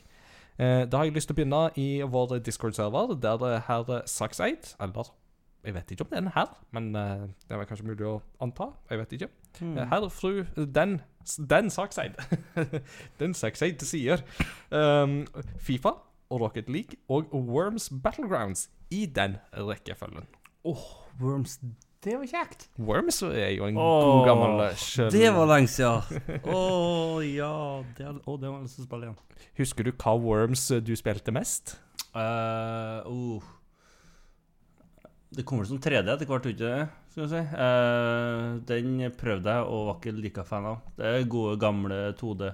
Ja. Uh, hva det het Du sa jo bare Worms. Mm. Så uh, ja, så var det alltid å dempe lyden når mor og far gikk forbi på hallelujabomba. så gikk det stort sett greit. Det vi. De syntes faktisk de var litt funny. Ja. Så det gikk veldig greit. Men, uh, ja. fin, det. Mm. Har du et uh, svar til feil lytter å komme med? Uh, det har jeg, vet du. Uh, vi kan jo gå på Facebook først, da. Der mm. har vi et svar. Mats Jakob Jebe Nesmann. Aldri hørt om mannen. lurer på hvem det er. Mm. Det ser ut som en trivelig fyr på bildet. Ja. han har da skrevet Nidhogg 2 for the win. Ja, Nidhogg. Det har han jo snakka varmt og godt om i podkasten eh, tidligere. Og det mm. har jeg jo definitivt skjønt at det er verdt å sjekke ut. Ennå ikke gjort det, uh, så I do not know if it's any good. Eirik, har du prøvd Nidhogg 2 noen gang? Eller Nidhogg 1, for den saks skyld? Prøvd eineren for det beste, ja. ja. To, toeren er jo stort sett annet, bare en litt annen grafisk stil og litt andre våpenmuligheter. Mm. Det er helt klart et underholdende spill når det er sammen med folk. For det er lett underholdning. Vi sitter alltid på kanten av setet for å se liksom hvem som klarer For det handler om å komme til motsatt ende av banen for den andre. Ja. Som Ha den konkurransen der hele tida, hvor du er på, helt på kanten, men så går det plutselig andre veien. og liksom Det kan skape god stemning. Det kan det. Mm. Så oh. godt valg. Ja, vi er ikke det er dumt valg. Han Mats Jakob han er ikke så dum. Er ikke så dum som jeg ser ut som. Det. Uh. Nei da. Vi er glad i deg, Mats Jakob. Vi gleder oss til å spille inn uh, Game of the Year-episoden med deg i desember. Det, mm. det ser vi fram til. Christian Komlesopp han skriver en god gammel slager. Han skriver Guitar Hero, og det Det, det vi, vi som i alle fall har noen år på baken, vi husker jo Guitar Hero-crazen uh, ved forrige tiårsskifte. Og det var jo absolutt uh, sine saker. Og ikke minst hadde jo gitt opphavet til en knakende god South Park-episode. som ikke må glemmes. Ja, eh, har du en te på lager, eh, Peter, før vi tar våre egne favoritter? Det har jeg tenkt å ta um, Frank the Tank sin. Mm. Der er skrevet Vis bort, Mario Kart og et analogt spill som handler om å slå, inn en slå en spiker inn i en stamme med færrest mulig økseslag. du hører på Frank at han bor i Tyskland. Det er liksom uh, Ja. Nei, det, det, har ikke mer moro på bygda enn mm. det man gjør det til sjøl. Har man det, så slå inn uh, spiker med øks eh, det, Ja, nei, jeg får, får, lyst til å prøve det en gang. Uh, øks kan jo Så lenge det går fint med øksa, så tenker jeg at det må jo prøves. Nei, altså, men um, ut ifra våre egne favoritter, da, så um, Litt av grunnen til at jeg tok Kristian Christian Kobles opp sin, var jo litt fordi at uh, Guitar Hero er jo absolutt en sånn slager som jeg som jeg fortsatt syns er veldig gøy å trekke fram. Uh, mm. Jeg må bare få tak i en bedre PlayStation 3-gitar først, for den ene er litt shabby. og jeg husker jo fra min egen studietid det som jo var uten tvil en suksess alltid for å samle folk, var å invitere på rockband og Guitar Hero. Det slo aldri feil. Um, og litt usikker på om jeg hadde snakket om det før, uh, men jeg kunne nevne det på jobb forleden dag fordi det var snakk om uh, musikk sånn generelt, og så var det noe Metallica som ble nevnt inn i dette her. Og da kan jeg jo nevne at uh, da jeg og kona traff hverandre første gang, så uh, var jo hun på besøk, uh, og så spilte vi Guitar Hero. Og hun ble igjen etter alle andre gjester, og vi satte klokka kvart på to og spilte Guitar Hero Metallica. Så alle de som uh, mener at uh, det ikke kommer noe godt ut av verken gaming eller uh, sånn uh, metallmusikk som Metallica Jeg har et bevis på det motsatte for begge deler. To flåger i ett smekk. Én smekk, ett smekk. To flåklyper i én smekk. To flåklyper. to flåklyper i en fuglekasse. Noe sånt. Uh, Petter, uh, hva er din uh, Hva vil du si er ditt uh, fa favorittpartyspill? Det høres ut som du spør etter ett, og det er jo kriminelt. da. Nei, nei, nei. nei for, det jo- Eh, for det er jo veldig på hvem som er på besøk, og hva dagsformen er. Eller Ja. Eh, og et som har spilt nå eh, litt i det siste eh, hadde noe, Vi hadde sånn eh, hjemme hos på arbeid, f.eks., og da eh, drev og spilte litt på PlayStation 5, og da var det Overcooked. Ja. Uh, og det er jo et uh, salig kaos uten like. Og det ut, Altså, de, kjøk, de som har lagd de kjøkkenene der, de skulle jo seriøst hatt bank. Og jeg er så dårlig ordna! Det, det liksom OK, da skal du først gå helt opp og hente, eh, hente Og så kan du ta én mating om gangen. For å sprenge helt ned. For så kutte opp det, så skal du opp til høyre for å legge det på stekepanna. For å sprenge over til venstre for å legge på asjetten. Tilbake til høyre for å få det ut i skranken. uh, men det er utrolig artig, og når du får til Altså får det samarbeidet til å funke, og eh, omsider at det går som en dans Mm. Det, det, det, det, det, det fikk jo den òg, godt der. Mm. Så er det kanonkjekt, og du blir jo gira, og du blir stressa. Mm. Og så øh, Ja, Worms ble jo nevnt der. Da, da ble jeg glad. Eh, da liksom gikk du jo tilbake i Langt baki, baki der. Og langt tilbake i tid. Mm. Og altså, Mario Party er jo kjekt, da. Ja. Det er så kos. ja. Det, Du, du eh, nikker og- der det anerkjennende, sant, Ja. Jeg tror, eh, jeg tror Peter traff en nerve så, der. eh, mm. Oh yeah. Og forresten, Singstar. Ja. Ja, ja, ja. Det er kjekt. Det er Og jo lysere sang, jo bedre. I hvert fall for meg som synger. In ingenting uh, slår I Believe in a Thing Called Love på uh, Six Star, altså. Fra The Eh. Darkness. Tror ingen tror på det heller. Ingen believe in love samt av de som hører på heller, sikkert. Det, Eh, Men eh, ja, Eirik. Mm. eh, hva, hva vil du trekke fram av sånne gode slagere hits? For min del så har det ikke blitt mange partyspill utenom noe Guitar Hero når jeg gikk på universitetet og litt sånn, men så det har vært mest fra barndommen, og da er det helt klart uh, Mario Party, altså. Mm. Bare de antall uh, Hva jeg skulle kalle det? Sprukne blemmer på håndflata etter å ha spinna rundt uh, pedal, når det er på pedal og Lykkelig smerte. Et, et, Ja. et minispill som de jo nå har gjeninnført i Mario Party Superstars. Oh Kan du yeah. tenke til? Ut, Oi, oi. Uten å tilby folk på hansker denne gangen. Ja, men Det er jo derfor de selger Nintendo 64-kontrolleren. Skal få lov til å bruke den? Nei, yay. Ja, men Å bare sitte med kompisene og liksom grine hver gang rubberbandinga begynner å hjelpe dem på slutten, eller å ødelegge livet for en breial førsteplass, knuse og litt sånn, og helt tilfeldige stjerner helt til slutt og litt sånn. Det har vært noen utrolig morsomme kvelder som har gått ut helt til morgenkvista, altså. Mm. Absolutt. Det, det er noe magisk over det, de spillene der. Det er det. Mm. All, altså det tenker jeg egentlig Mario generelt. Bare det at du, du snakker om Mario, alle sammen blir glad.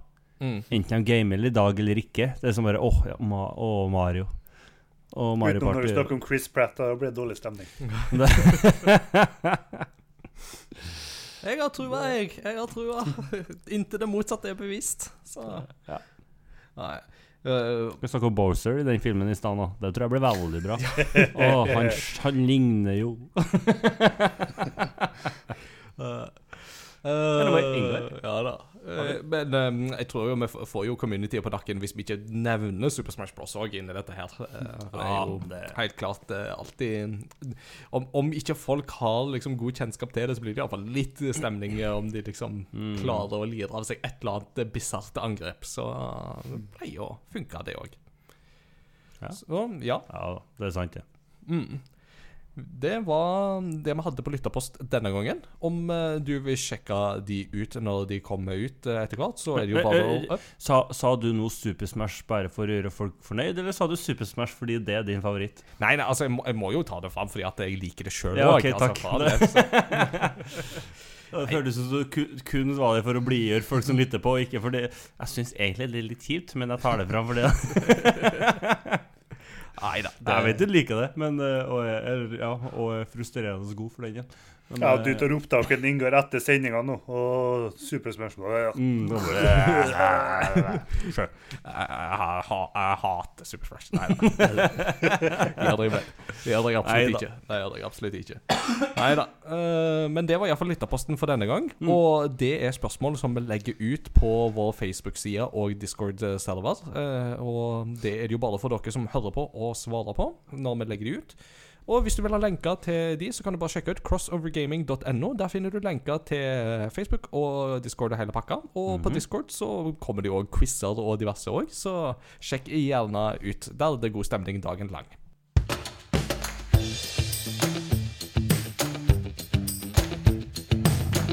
What you been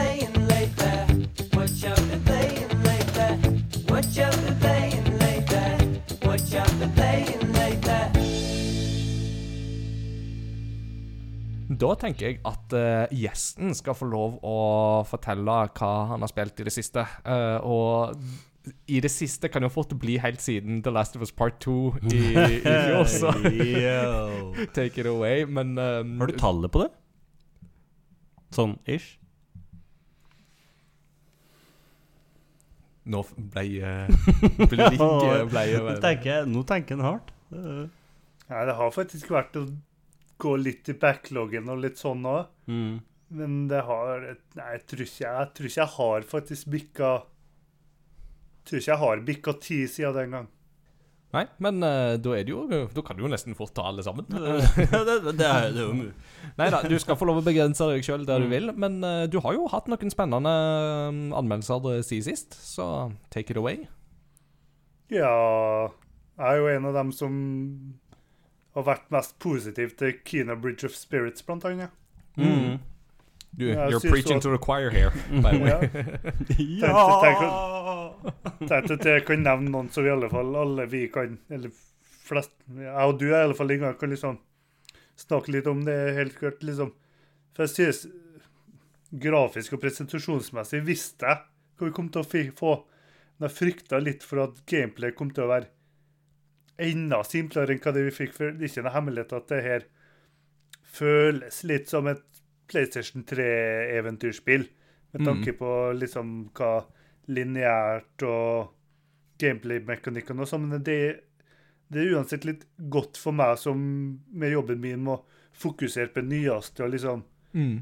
spille alt mulig og liksom fære litt tilbake til den, den tida, bare vi er enda penere og nydelig musikk, nydelig presentasjonsinnpakning, da, for å si det Mm. sånn.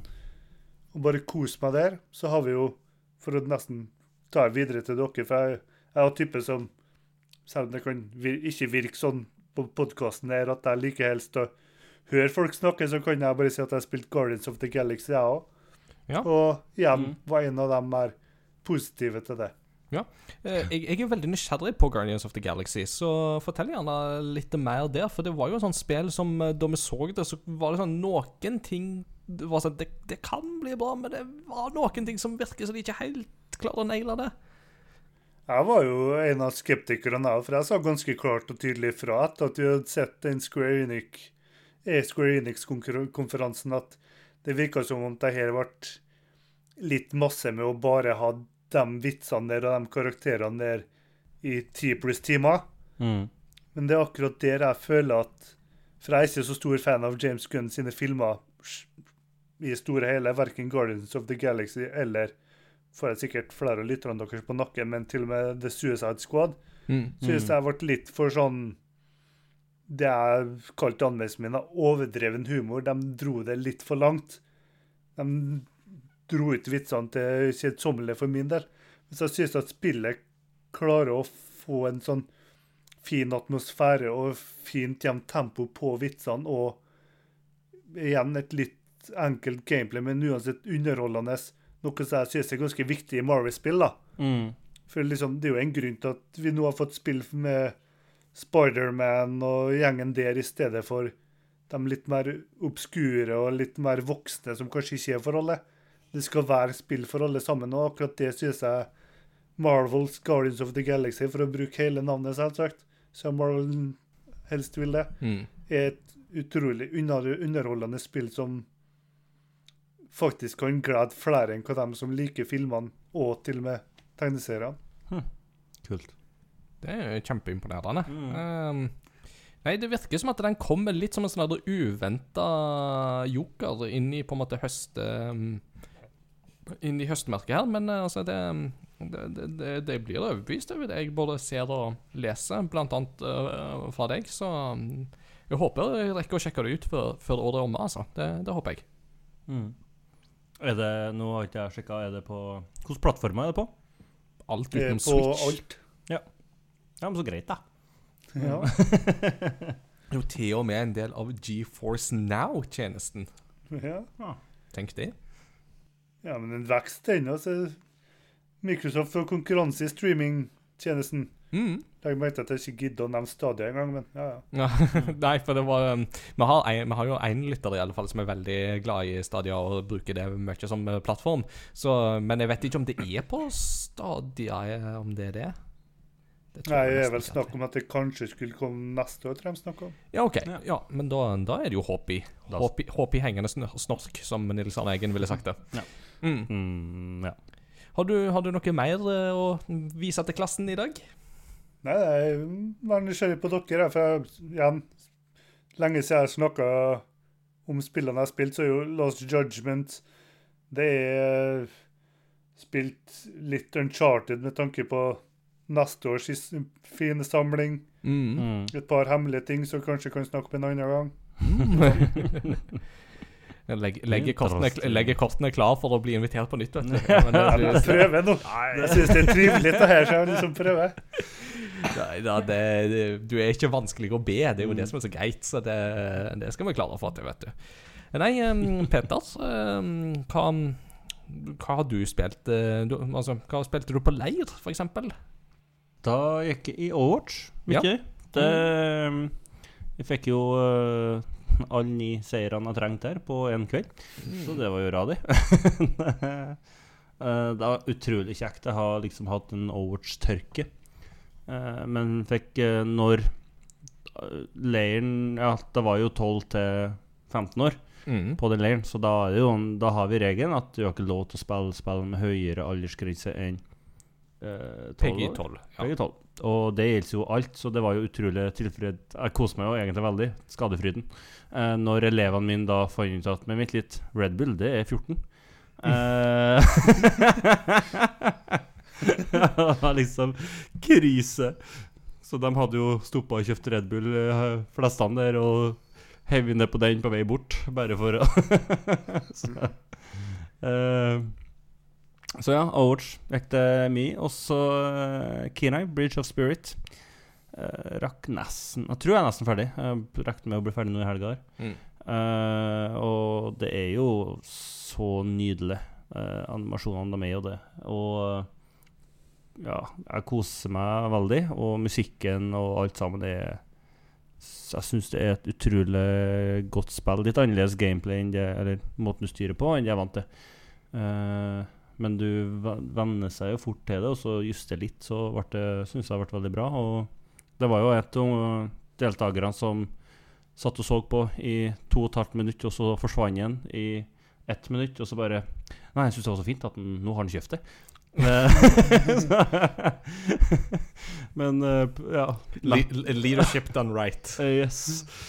Men ja, nei, internettet var jo ikke Hvis en fikk spilt det den kvelden, da ble jeg imponert, fordi ja Det, det er leirs, det. Er som det er. Mm. Ellers er det jo Ja, eneste nye Det er jo uh, Overcooked, som sagt. Jeg spilt med noen elever og spilt med kona, for så vidt, en kveld her, og syns det er veldig, veldig kjekt. Og så driver vi med golf, da. Ja, du har fortsatt Åh. PGA uh, 2K21. Ja, ja. Så jeg kamerat og besøkte en kamerat i dag, Jon Olav. Eh, Jon Olav. Så da, da fortalte at jeg spilte golf, og det syntes han var veldig rart. Men uh, det, det, tok, det var ikke mange slagene, så skjønte han veldig godt hva jeg mente. Med liksom det å bare komme hjem, sette seg ned og spille litt golf. Det er så behagelig. Mm. Og, og jeg, det var jeg fikk jeg må, Det var en ganske krevende runde med over 20 meter eh, 20 MPS. Det er meg. Ja, Ja. mye vind. Jeg klarte og så fikk jeg hole in one. Oi. Så det, det var stort. Når du liksom legger ballen langt ut til høyre, så ser du bare en skru over, og så oppdager du at bare Oi, det her ble jo bra. uh, ja, nei, det var kult. Så det Ja. Så det er lite nytt, men uh, mye kos. Mm. Så bra, så bra. Mm. Ja. Nei, jeg har jo litt nytt å bringe til bordet denne gangen, så det er jo litt artig. Uh, episoden Oh, jeg kom på Ja. Kjære vene, vi har spilt i halve dag. Left for Dead 2. Eh, Ja. Left 4 Dead 2. Da snakker vi om gammel asfalt. Ja. Åh, det er så kjekt! Det er helt sykt! Åh, jeg, jeg har så jeg, Jon Olav og jeg, vi har drevet med det i timevis. Så jeg var Er dere jo nysgjerrig på Back for Blood, da? det, Ja, ja, jeg er jo det. Ja, ja jeg synes, sånne spill syns jeg er artig. Zombier, egentlig ikke fan. Det fins unntak. Uh, Left for Dead er liksom eh, en av dem. Eh, Og det er Åh, dere, hele den verden der er jo helt syk. um, og det er kjekkest med fire, men det funker med to. Ja. Og det Ja. Jeg, jeg, jeg syns fortsatt at uh, det skumleste med Left 4 Dead Det er jo når de legger på sånn Teletubby-mod, sånn at alle zombiene skal komme mot deg. Sånn at rabiate Teletubbies med sånn hvit i, hvit i øynene og liksom sikler blod og kommer bare Boo, diggy wiggy! Og sånn, ah. Nei. Det- det er skummelt, det. Mm. Nei, så det Hvis noen har Hvis dere har Altså, få det på igjen, altså. Ja. Det, er, det er kanonkjekt fortsatt. Jeg er ennå til gode å spille det sjøl. Jeg har bare sett andre spille det, så Ja. vi får ta en runde en gang. Og så får vi jo ellers se om eh, Back for Blood òg kan eh, friste. Så Mm. Jeg er nå på GamePass, det, gang, så du kan jo prøve det der. Se om det får litt smak. mm, det får eh, Får jo teste. Jeg får snart komme meg på GamePass. Det er jo kanskje det. En tjeneste som jeg snakker varmt om, men ikke har sjøl. Det er jo paradoksalt, men eh, sånn er det.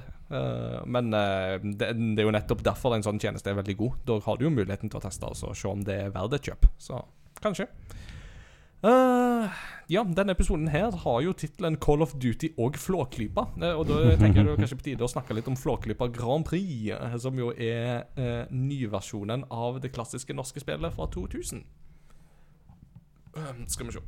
Um, ja, det, det var jo egentlig et eh, PC-spill i 2000, som jo fikk en ny versjon i 2003, og så fikk det en DS-versjon i 2010. Og det er jo tidenes bestselgende norske spill. Eh, 380 000 solgte eksemplarer, etter det jeg har skjønt, og absolutt en eh, en tittel som veldig mange i eh, min generasjon har et varmt og kjært forhold til. Jeg tror jo Så da nyversjonen ble annonsert, så tror jeg det var mange som ble glad for det. Og mm, kan jo innrømme at jeg og kona vi bare snakket litt og bare sånn dette, dette er jo gøy, er det ikke det? Skal, skal vi være med på å støtte det på den der spleiseordninga, eller den der finansieringsordninga? Ja, så da gjorde vi det. Vi sp- spytta inn noen kroner på det, fordi at vi tenkte at dette, det det, det har vi lyst til å gjenoppleve. Det har vi lyst til å oppleve. Um, og det er jo helt klart det spillet jeg har blitt spurt mest om i min spillanmelderkarriere. Om sånn der Når kommer det spillet? Når kommer det spillet? Det er liksom Det er Flåklypa folk har spurt meg om. Og det er, sånn, det er helt tydelig at her er det et marked for uh, i alle fall de som er generasjonen 30 pluss. For dette var et spill som jeg jo tror mange opplevde med sine foreldre, uh, og spilte liksom på tvers av generasjoner og hadde gode opplevelser med på den tida der. Bare for å liksom vise hvor populært det er, da, uten å røpe alt her nå. Statistikken på GameRactor sier at det er en av de mest populære anmeldelsene vi har hatt. Hey. Det sier litt når vi Altså, OK, i år, da. Ja, ja. For det, det sier litt når liksom nå da er i kamp mot Call of Duty, mot Forza Horizon 5, Mm. alle storspillene der. Som kommer denne. Ja, som kommer liksom akkurat i disse dager. Ja. Nei, Det må jeg jo ta til meg. Det er jo veldig kjekt å vite at uh, det blir eh, mye lest. Så det er alltid en bonus. Det ante meg liksom, for jeg skrev en nyhet om det like før, og liksom du så lesertallene på den og bare for i taket, liksom. Mm. Så det viser at det virkelig er nostalgi eller og bare glede over å se spillet. Mm, ikke sant. Så eh, jeg fikk i alle fall eh, anledning til å anmelde dette. Eh, og det er jo i det store og det hele det samme spillet som man får i ny drakt, eh, men med noen eh, plusser og noen minuser. Eh, for å ta minusene først på det området, så er det jo Det er ni minispill som er tilgjengelig i dette spillet. Og det vil nok skuffe en del, fordi at i løpet av disse tidligere lanseringene så er vel tallet på antall minispill oppe i 20. Eh, Så her er det helt klart noen spill som er luka ut. Blant annet så vet jeg at det er mange som har savna et larvespill. eh, som jeg må helt ærlig innrømme at det kan ikke jeg huske. Oh, nei. Nei. Du Nei, det var utrolig Nei. Det var ikke så artig. Greit å vite. Men sånn som sjakk og dam, det har de jo tatt vekk. Og jeg tenker jo det at det å ta vekk sjakk fra Flåklypa, det er jo litt sånn eh, Da tenker jeg jeg gikk og spilte sjakk med dumme aper. Altså, du kan ikke ta det vekk fra Flåklypa. Det det- er jo hvor, hvor, skal jeg få ha min suksess for min spanske åpning hvis jeg ikke kan spille flåk, det er skikkelig Flåklypa? Nei, nei, nei. det Kan du spansk åpning? Uh, Det er jo et faktisk uh, trekk, men jeg kan ikke trekket. Det kan jeg ikke. ja, ja, ja, det, Da sier jo nei, ikke, ikke røpe nå, Petter. La, la den virke litt smartere. Nei da. Så det er jo noen av etter minus der. Um, en annen ting er jo at um, Jeg synes jo at animasjonene i spillet er litt subpar. Og det er klart at nå har vi jo akkurat snakka veldig varmt om Kina Bridge of Spirits. Et spill som er laga av et relativt lite team. Eh, de er jo ikke mer enn 15 stykk liksom, i kjernen av det studioet. Og det er liksom med litt eh, deltidsarbeidere og sånn, så har de jo hatt 20 stykk inne på Kina, så i liksom hovedteamet der. Og det spillet viser jo hva du virkelig kan få til med et så lite team som virkelig har sin erfaring. Eh, så det at uh, Flåklypa er lagd av et eh, mindre norsk studio, det tenker jeg at det blir liksom ikke helt Hva skal jeg si, da? Kon kontrasten her er liksom litt store, og det viser at selv om det er et lite studio, så trenger ikke det bety at animasjonene trenger å være stive og lite livgivende. Eh, og jeg syns jo særlig at noen av karaktermodellene ikke er sånn veldig Veldig gode, da, dessverre. Videre så er det òg noe med at historien her er fortalt veldig fragmentert. Eh, veldig store deler som har hoppa over, og litt sånt, så det er veldig avhengig av at du faktisk kan historien fra før. Og da vil jo noen si at ja, men alle i Norge kan jo Flåklypa fra før. Men her har du jo faktisk endelig lansert Flåklypa på digitale plattformer på Switch og Steam. Eh, og spillet har faktisk engelsk tekst og tale. Her har du et faktisk potensial til å kunne kjøre en liten sånn eksponeringskampanje i, internasjonalt hvis du vil. Eh, og da tenker jeg at da er det dumt hvis uh, forutsetninga er at men du må kunne historien fra før fra en obskur norsk eh, dukketeaterfilm eh, eller stop motion-film fra 1975. Mm. Da da øker du den terskelen for veldig mange, så det syns jeg er litt synd, altså. Um, men eh, for å komme litt på den positive sida, da, så må det jo sies at eh, de har jo nå lagd eh, bilkjøring i 3D. eh, som faktisk er litt underholdende, mer enn det man skulle tro. altså. Det, utfordringsnivået øker mm. fortløpende. Men ingen online eh, racing-modus. Det er jo veldig synd. Kun lokal coop, så det, det må jeg innrømme. Det var litt skuffende. Um, og så er det jo en del av disse minispillene som er med, de er fortsatt veldig veldig vanedannende og gøye. Altså Postsorteringsspillet er jo fortsatt bare noe du kan sitte i time etter time etter time med og bare sånn her pushe litt til, pushe litt til, pushe litt til, og det er bare Ja. Det, man um, får absolutt en sånn her uh, just one more turn-følelse. Så det er absolutt uh, moro å hente her, men jeg tror dessverre at eh, de som vil ha det mest moro, det er de som har spilt det fra før, og som nå går tilbake til det. Mm. Jeg tviler dessverre på at de klarer helt å få med liksom kidsa i dag på det. Men en veldig positiv ting Spillet har samisk tekst og tale. Det syns jeg fortjener Det er ros. Ja, det det fortjener kjempemye skryt og kred. For nå nå, nå, nå er jo ikke jeg den som er eksponert mest for det sjøl, men jeg har jo en bror som jo jobber som prest på Røros. Eh, Og der er jo det sørsamiske communityet er jo ganske stort. Og det har hjulpet meg å få litt sånn innblikk i på en måte hvor viktig samisk språk eh, og samisk kultur egentlig er i, i, altså for Norge. Altså of, Altfor ofte så blir det skjøvet vekk og gjerne trakka litt ned på. Men jeg tenker absolutt at det er vel så mye en del av den norske identiteten.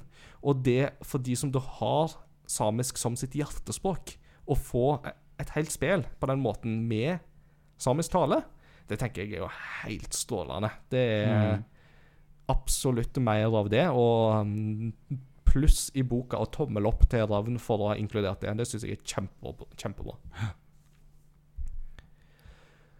Og så ehm, Da skal jeg ikke holde på så veldig lenge med de andre tingene, for det er liksom litt sånn hovedattraksjonen i dag, på en måte. Men um, jeg har hatt ferie i veka, og da har jeg drukket å spille ferdig Psychonauts 2.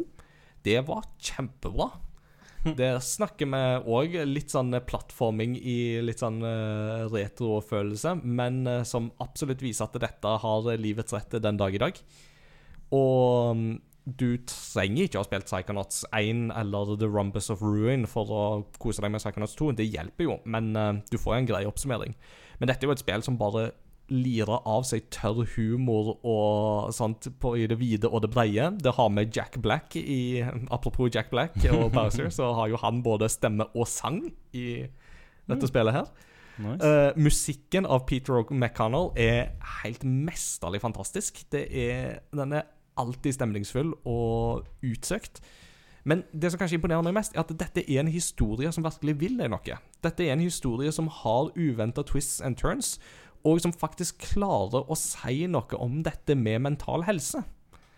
Og for, det, for at en psykonaut uh, hopper jo bokstavelig talt inn i hjernene til folk, og skal jo får jo innblikk i folks innerste tanker og sånt, og alle disse fiendene er jo Altså, du har judges, for eksempel, altså folk som dømmer seg Altså hvordan vi dømmer oss sjøl, og du har eh, eh, en av eh, Jack Black sin eh, figur, han eh, får mer sånn her eh, han har vært en hjerne i 20 år, og nå skal han liksom plutselig få alle inntrykk pulserende mot seg igjen. Og da er han bare sånn Han får jo litt sånn panikkanfall, og da kommer det et panikkanfall å angripe.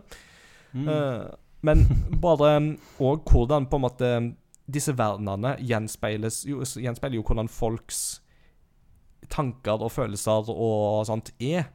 Og det er Igjen, altså det, det, det er veldig vanskelig å beskrive eh, med ord, men det, det er absolutt gjort med en fantastisk blanding av humor og alvor. Som jeg syns fortjener uh, kred og ros, og veldig, veldig bra. Mm.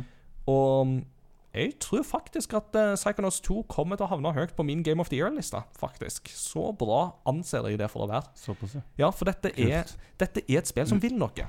Altså, Sånn som Ratchet Clank, Rift Apart. Kjempebra, teknisk imponerende. Uh, men samtidig kanskje litt trygt. Uh, litt sånn Jeg følte ikke jeg fikk noen store overraskelser.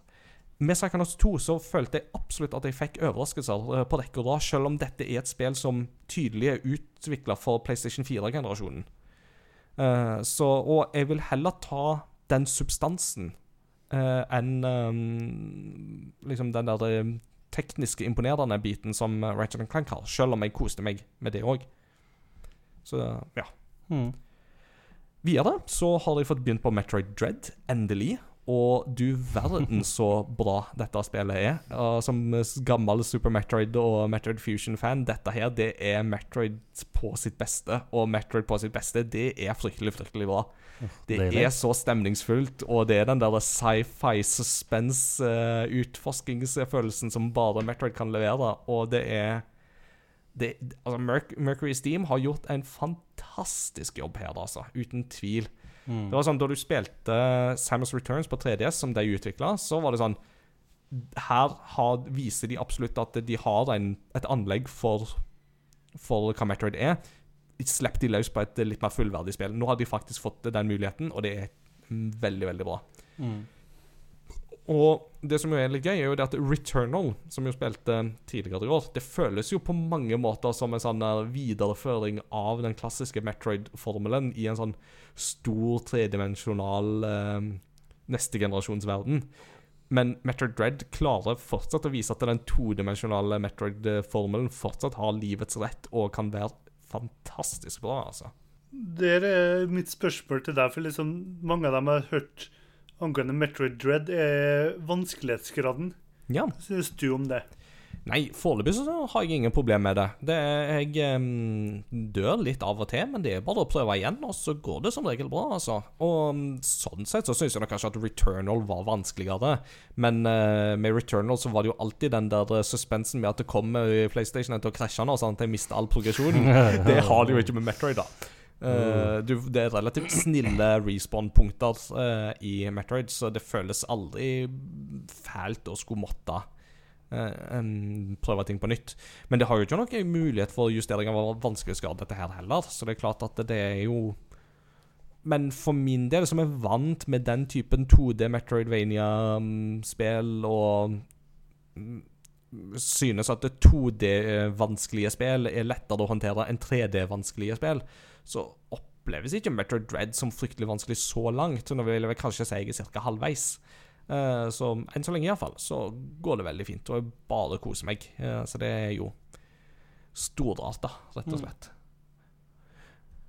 Ellers så, å snakke om todimensjonale vanskelige spill, så har jeg begynt på Indiespillet indie-spillet The Messenger. Som er litt sånn interessant. Og det er en artig eh, greie. Det er foreløpig eh, Altså, det er jo et mm, Hva skal du si? Det er jo et indiespill utvikla med klare inspirasjonstrekk fra Ninja Guiden. Uh, og jeg må jo si at det, så langt så er dette spillet en fryd å spille. Det er Kontrollene sitter tight. Uh, gameplayet er liksom intenst og mm, responsivt og fungerer kjempe, kjempebra. Det, musikken er out of this world amazing chiptune-saker som nesten kan overgå Shovel Knight, og det sier sitt, altså, for det soundtracket henger jo skyhøyt i min bok.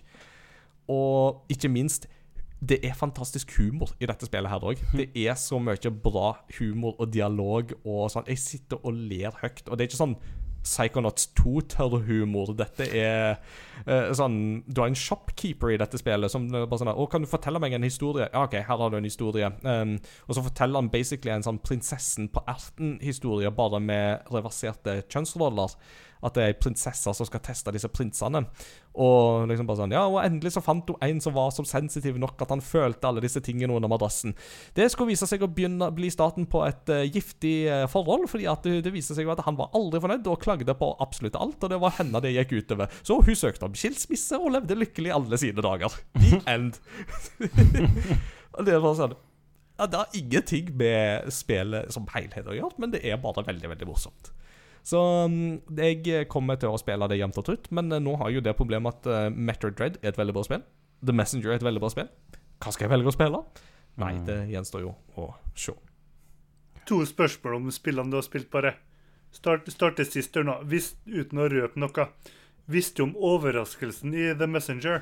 Ja, jeg har fått spoila overraskelsen i The Messenger, så jeg vet hva jeg går til. sånn sett Men jeg har ikke kommet dit ennå. Men eh, jeg har fått det avslørt, så det vil nok ikke komme som en overraskelse. sånn sett Men det går helt fint. Det er jeg som har somla med å spille dette. Men det var gratis på Epic Game Story i sin tid, så det var der jeg plukka det opp og spiller det på PC. da Så Så snakker du om uh, Psychonauts 2. Både jeg og du har jo spilt Hellblade Senua Sacrifice òg. Og jeg synes det er interessant å se hvor godt spillene som fokuserer på psykisk helse, faktisk kan lykkes av og til. mm, For det likte jeg virkelig, liker jeg virkelig med Hellblade òg. mm, Hvordan de klarer å formidle det uten at, igjen, som jeg skrev i anmeldelsen min på den tida, at jeg har ikke noe kjennskap til men jeg, jeg føler i alle fall personlig at jeg kan forstå hvordan de personene som sliter med de tingene, har det, pga. hvordan de har designa spillet. mm. Og igjen, Tim Shafer skal ha utrolig skryt for å kunne ha fremstilt det både på en humoristisk og realistisk måte, for han er jo mest kjent som en av de artigste personene i industrien, men igjen litt like som skrekkfilmer laga av folk som eh, kan komedier, som viser at de som kan humor og er veldig flinke til å skrive generelt. Så litt, mitt spørsmål er, tror du at flere bør tørre å ta sjansen på å bringe et litt større fokus på psykisk helse, eller bør du kunne gjøre det om du er nesten bombesikker på at du har full forståelse? Like som Double Fine har jo innrømt at de måtte hyre inn hjelp og sånn av eksperter i feltet for å faktisk kunne være trygg, selv, trygg nok på seg sjøl til å lage et spill om psykisk helse. Mm. Jeg tror jo det at det å konsultere Det å konsultere folk som har liksom en finger med i dette, både medisinsk eh, profesjonelle, men òg gjerne de som har slitt med en del av disse tingene, sånn som jo um, Ninja Theory gjorde med Hellblade. Eh, jeg, jeg tror absolutt at det er en lur ting å gjøre, eh, men jeg tror òg samtidig at eh, et, jeg tenker jo som så at det, det viktigste her er jo at intensjonen din er god, og at du klarer å løse det på en, eh, på en måte som er respektfull, samtidig som at du klarer å ha, gi, gi på en måte et lite innblikk i hvordan det oppleves.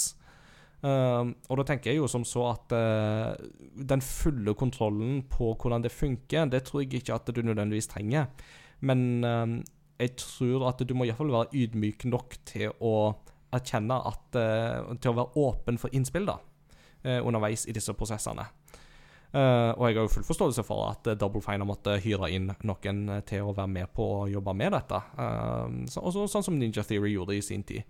Men samtidig så kan jo òg egne erfaringer spille inn i dette her. Uh, og det er jo litt interessant, for nå leste jeg jo på NRK denne veka at Henchman and Goon, de som sto bak uh, Pode, uh, de jobber jo visstnok med et nytt spill. Eh, der jo det visstnok ta erfaringer i ei av utviklernes eh, egne erfaringer med farens selvmord da hun var liten. Og det tenker jeg at eh, det er jo et veldig sterkt møte med et veldig alvorlig tema. Men som jeg samtidig tenker jo det at eh, spillmediet er som andre medier noe som kan gi oss en, et innblikk og en forståelse i hverdager utenfor vår egen.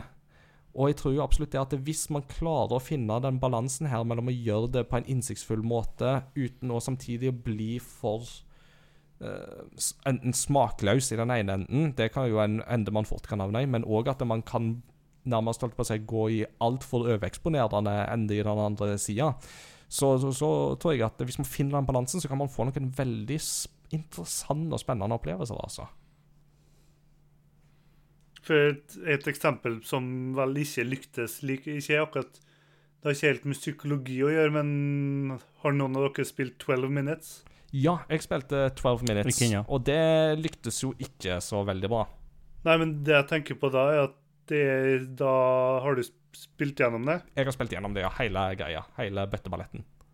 Det som viser seg jo å være poenget der, er jo det noen vil si er litt kontroversielt og vil kunne støte folk.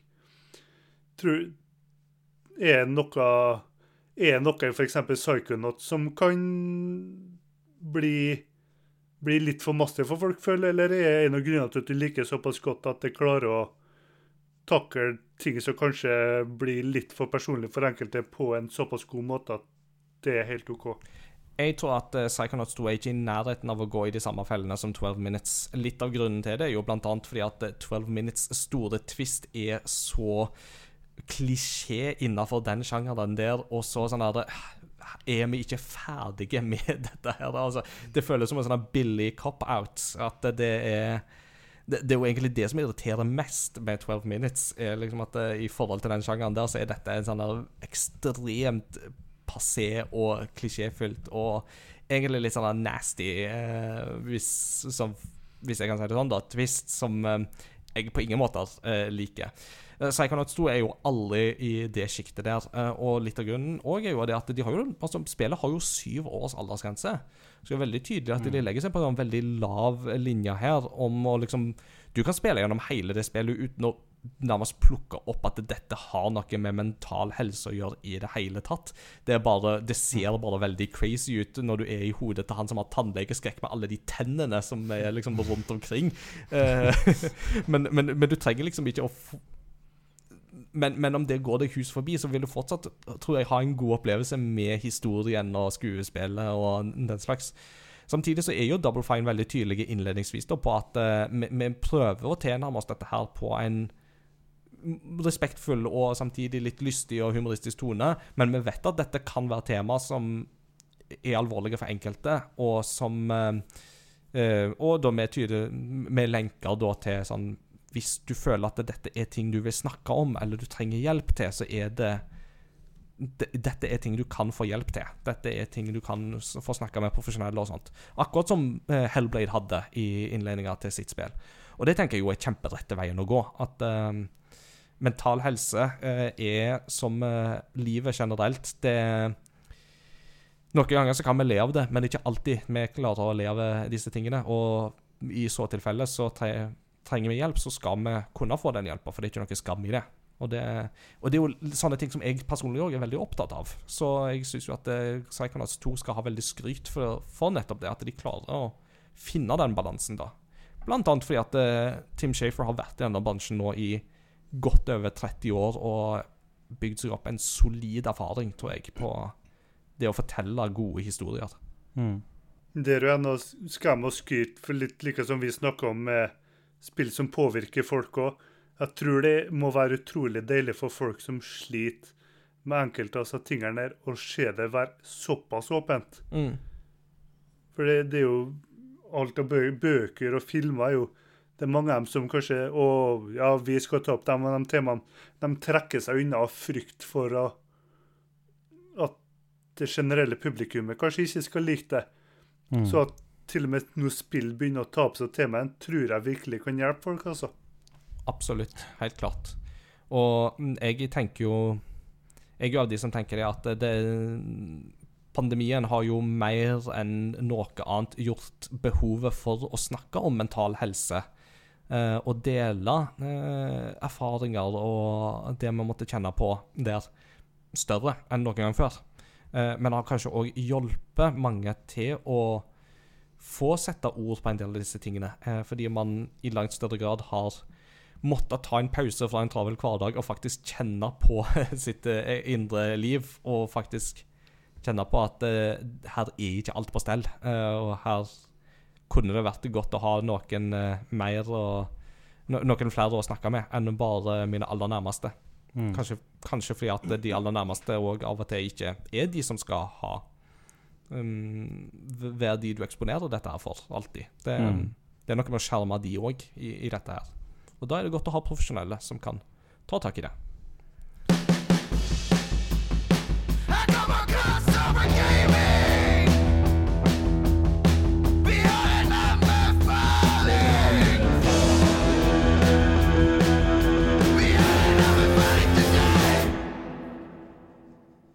Ja, det ble jo en litt sånn interessant eh, samtale om eh, dette med mental helse og sånt eh, nå mot eh, slutten her. Eh, Mm. For noen så kan jo det være litt dyster uh, tanke, men det trenger jo ikke å være det. Men eh, eh, hvis, eh, hvis du skal tenke anbefaling, Peter, er dette liksom litt i det lystige slaget, eller er det litt mer det alvorlige slaget, eller er det Lærerik eh, slaget. Lærerik slaget, ja, det- ja, det er ikke et dumt slag, det- det er ikke Nei, et dumt slag. slag, det. Eh, og da er det Jeg er veldig fan altså, Eller siste, så ja, Jeg tror de som har hørt på mine anbefalinger før, har fått med seg at jeg er glad i YouTube. Eh, så vi skal tilbake dit igjen. Ja, så kjekt. Eh, for da er det noen type videoer som jeg har i siste blitt veldig veldig glad i, og det er når du har eh, folk som er profesjonelle i sitt felt, ser på eh, filmer og spill og sånt, og går gjennom hva som er riktig og galt. Så for eksempel i går så så jeg på Da gikk rustninga i forskjellige filmer, f.eks. Rinns herre. Eh, og bare siden vi snakker om Call of Duty i dag, Ja. så har du jo òg en hvor da har du høy Da er det eh, Gameology, som er en YouTube-kanal, som har eh, Marines React to Call of Duty Modern Warfare, og da er det eh, spesielt en episode med The Wolf's Den. eh, hvor de da rett og slett går gjennom de taktikkene og framgangsmåten soldatene bruker når de går gjennom det huset. Eh, og for en som ikke har peiling på hvordan du eh, går gjennom et hus med fullt av fiender, så det er veldig interessant og fascinerende hvor virkelighetsnært da, de faktisk har klart å ordne flere av oppdragene i eh, Call of Duty. Mm. Eh, så spesielt den filmen. Eh, sjekk ut den. Men så, ja, ta og søk opp litt sånn, ja eh, Reacts-filmer på Du får seriøst på alt. Mm. Eh, og det, jeg syns det er veldig veldig spennende og veldig veldig lærerikt, fordi det er mye jeg ikke kan. I, I den anledning får jeg skyte inn en eh, tilleggsanbefaling, da. Selvfølgelig. Det er litt i det relaterte både til dette her, men òg i forhold til det som vi snakket om i stad med mental helse. Men du har Cinematherapy, som er en eh, kanal som da er to eh, psykologer som eh, studerer filmer eh, sammen. Eh, noen har de sett før, noen har de ikke sett før. Og så snakker de liksom om eh, diverse ting knytta til Mm. eh, mental helse, knytta til mm, oppførsel, psykologi etc., etc. Eh, blant annet så er det jo veldig morsomt å se hvordan de slakter Twilight. Eh, og liksom Twilights tolkninger i forhold til Hva skal du si jeg giftige, giftige forhold, for å si det sånn. At det er bare sånn at dette, dette her det må du bare ut av sporenstreks. Dette er det Dette er ikke godt for deg. Uh, men ja, Cinematherapy de har eh, ganske mye um, artige, Mm. artige ting, så det kan anbefales. Jeg tror de fleste kan si at det å se Twilight er ikke bra for deg. Så det Skal du ha bra vampyrting, så må du jo se Buffy the Vampire Slayer Mm. og Angel. Ikke sant? Altså, der kan vi alle være enige. For dette er en hebreke pachinko-kontroller til Super Nintendo. It's curiosity. What are you gonna show to me? It's curiosity. What a neat thing to know. It's curiosity. What are you gonna show to me? I haven't even heard of it. What a neat thing to know. It's a great part of the show. I dagens kuriositet så hadde jeg egentlig notert én ting. Men så snakket vi om noe nå i del to som var sånn oh, det kan jeg heller snakke om i stedet. Så da kaster jeg den kuriositeten på hylla, og så skal jeg heller snakke om en kuriositet i Worms-spillene. Nemlig eh, da eh, knytta til en ting som da har blitt snakka om, nemlig The Holy Hand Grenade. Ja. Eh, halleluja! Boom! Nettopp. Eh, godt kjent for alle som har spilt Worms, og veldig mye moro i dette her. Eh, med de fleste våpen i Worms-spillene så er det jo sånn at du kan stille inn timeren på de. Eksempel hvis du har en banana bomb eller dynamitt eller uh, sauebomben eller uh, sånn. Åh, når du lærte det. Ja, oh. så kan du jo stille liksom eh, sekunder, liksom 1, 2, 3, 4, 5 osv.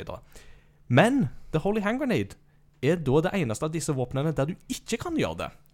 Og grunnen til det er jo fordi The Holy Hand Grenade er jo henta fra Monty Python and The Holy Grail. Eh, og er det jo én ting som vi lærer om The Holy Hand Grenade i uh, den filmen, Uh, når de da skal lese fra The Book of Armaments, chapter 2, verses 9 to 21, uh, så leser de jo da uh, First shall thou take out the holy pin, then shall thou count to three. No more, no less. Three is the number thou shall, shall count, and the number of thy counting shall be three. Four shall thou not count, neither count thou two, unless thou then proceeds to three. Five is right out. uh, Og den kan du tydeligvis utenat. Ja. Jeg har selvsagt lært meg skriften utenat, og det inkluderer apokryfe bøker som uh, The Book of Armaments. ja. Mm. Eh, så, så ja, altså Man er jo da veldig tydelig på i Monty Python at uh, The Holy Hand Grenade, der skal du bare telle til tre, og så skal du kaste granaten. Så det er da altså grunnen til at The Holy Hand Grenade i Worms-spillene har en innstilling på tre sekunder, og det er den innstillinga du får. No more, no less. Five is right out. For å ta en Friends-referanse, er det ta tre Mississippi, Mm. eller er det Og så kast? Mississippi. Mississippi, eller? Nei, det er med tre sekunder, og så får du tolke det som du vil. Så det var den kuriositeten jeg kom på når vi snakket om Worms her i stad. Så jeg tenkte at det passet godt. Så får jeg heller ta den andre kuriositeten til en annen episode. Vi er kommet til veis ende. Det er harde bud, men sånn er det denne gangen òg. Um, og postludium det syns vi er kjekt å overlate til gjestene. Uh, og Eirik, uh, hva har du valgt for oss denne gangen? Det er jo nesten fristende å endre mening nå. Så det har vært litt dyster å bare si Astrobot eller noe sånt igjen, men Kan ikke ha S-robot hver gang. Det, det, det. Åh. Selv om jeg tror ikke vi har hatt GPU-sangen ennå, som postludium. Da. Det har jeg faktisk ikke. oss intervjue om den på gamerector.no. Yes, fantastisk intervju, by the way. Det virker som Mange en takk. veldig, virker som en veldig ålreit komponist. Ja. Nei, vi har jo snakka om Call of Duty, blant annet, og du ble blant annet i overraskende når jeg nevnte det. For det er jo en kar som har laga musikken til det som veldig mange kanskje har hørt før, selv om de ikke har tenkt over det. For det er Bear McCreary, som de spillelskende der ute nok kjenner fra God of War, blant annet. -hmm. Mens de som har sett serier, nok kjenner ham fra The Walking Dead, eller Battlestar Galactica. Han har jo Jeg visste ikke at han hadde Battlestar Galactica. Der lærte jeg noe nytt. Hey! So, so say we all. Kuriositet. Om det ikke var Stargate, kanskje. Oh. Fact check meg nå. Oh, oh. Uh-oh.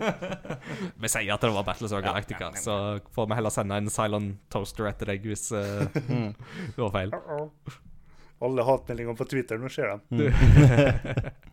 Nei, men uh, liksom hovedsangen i Call of Duty Vanguard, for jeg synes musikken i Vanguard utmerker seg, for den føles ikke Eller den føles litt mer som Hans Zimmer sin, når vi snakker om Modern Warfare, hans sin tolkning av musikken der, for den er så fin blanding av skikkelig bombastisk og rett og slett melankolsk nydelig når de trenger det.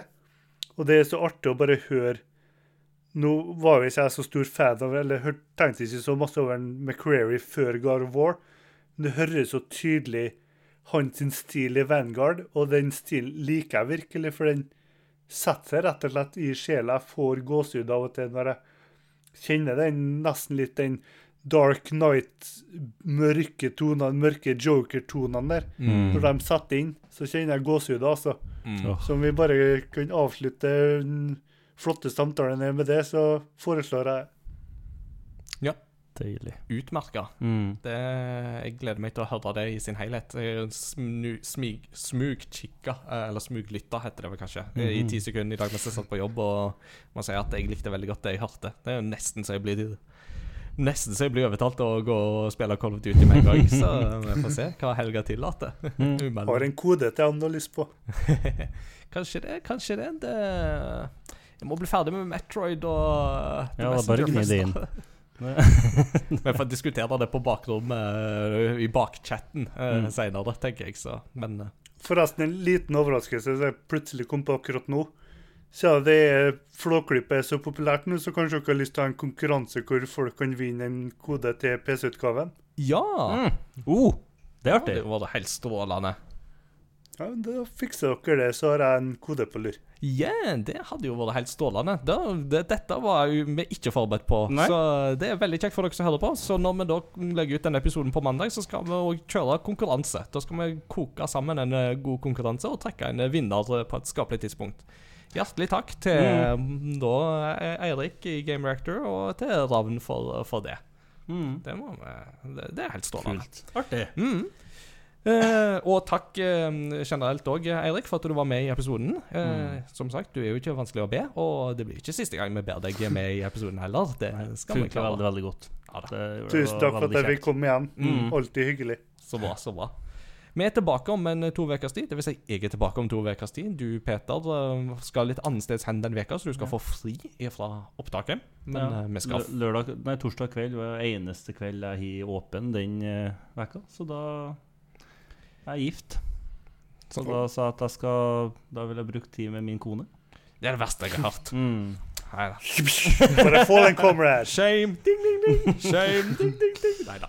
Nei Nei, du skal få velfortjent fri da, og så skal du heller komme sterkere tilbake igjen gangen etter det. etterpå, neste gang, gang etter der, da er jeg nok tilbake. Ja da.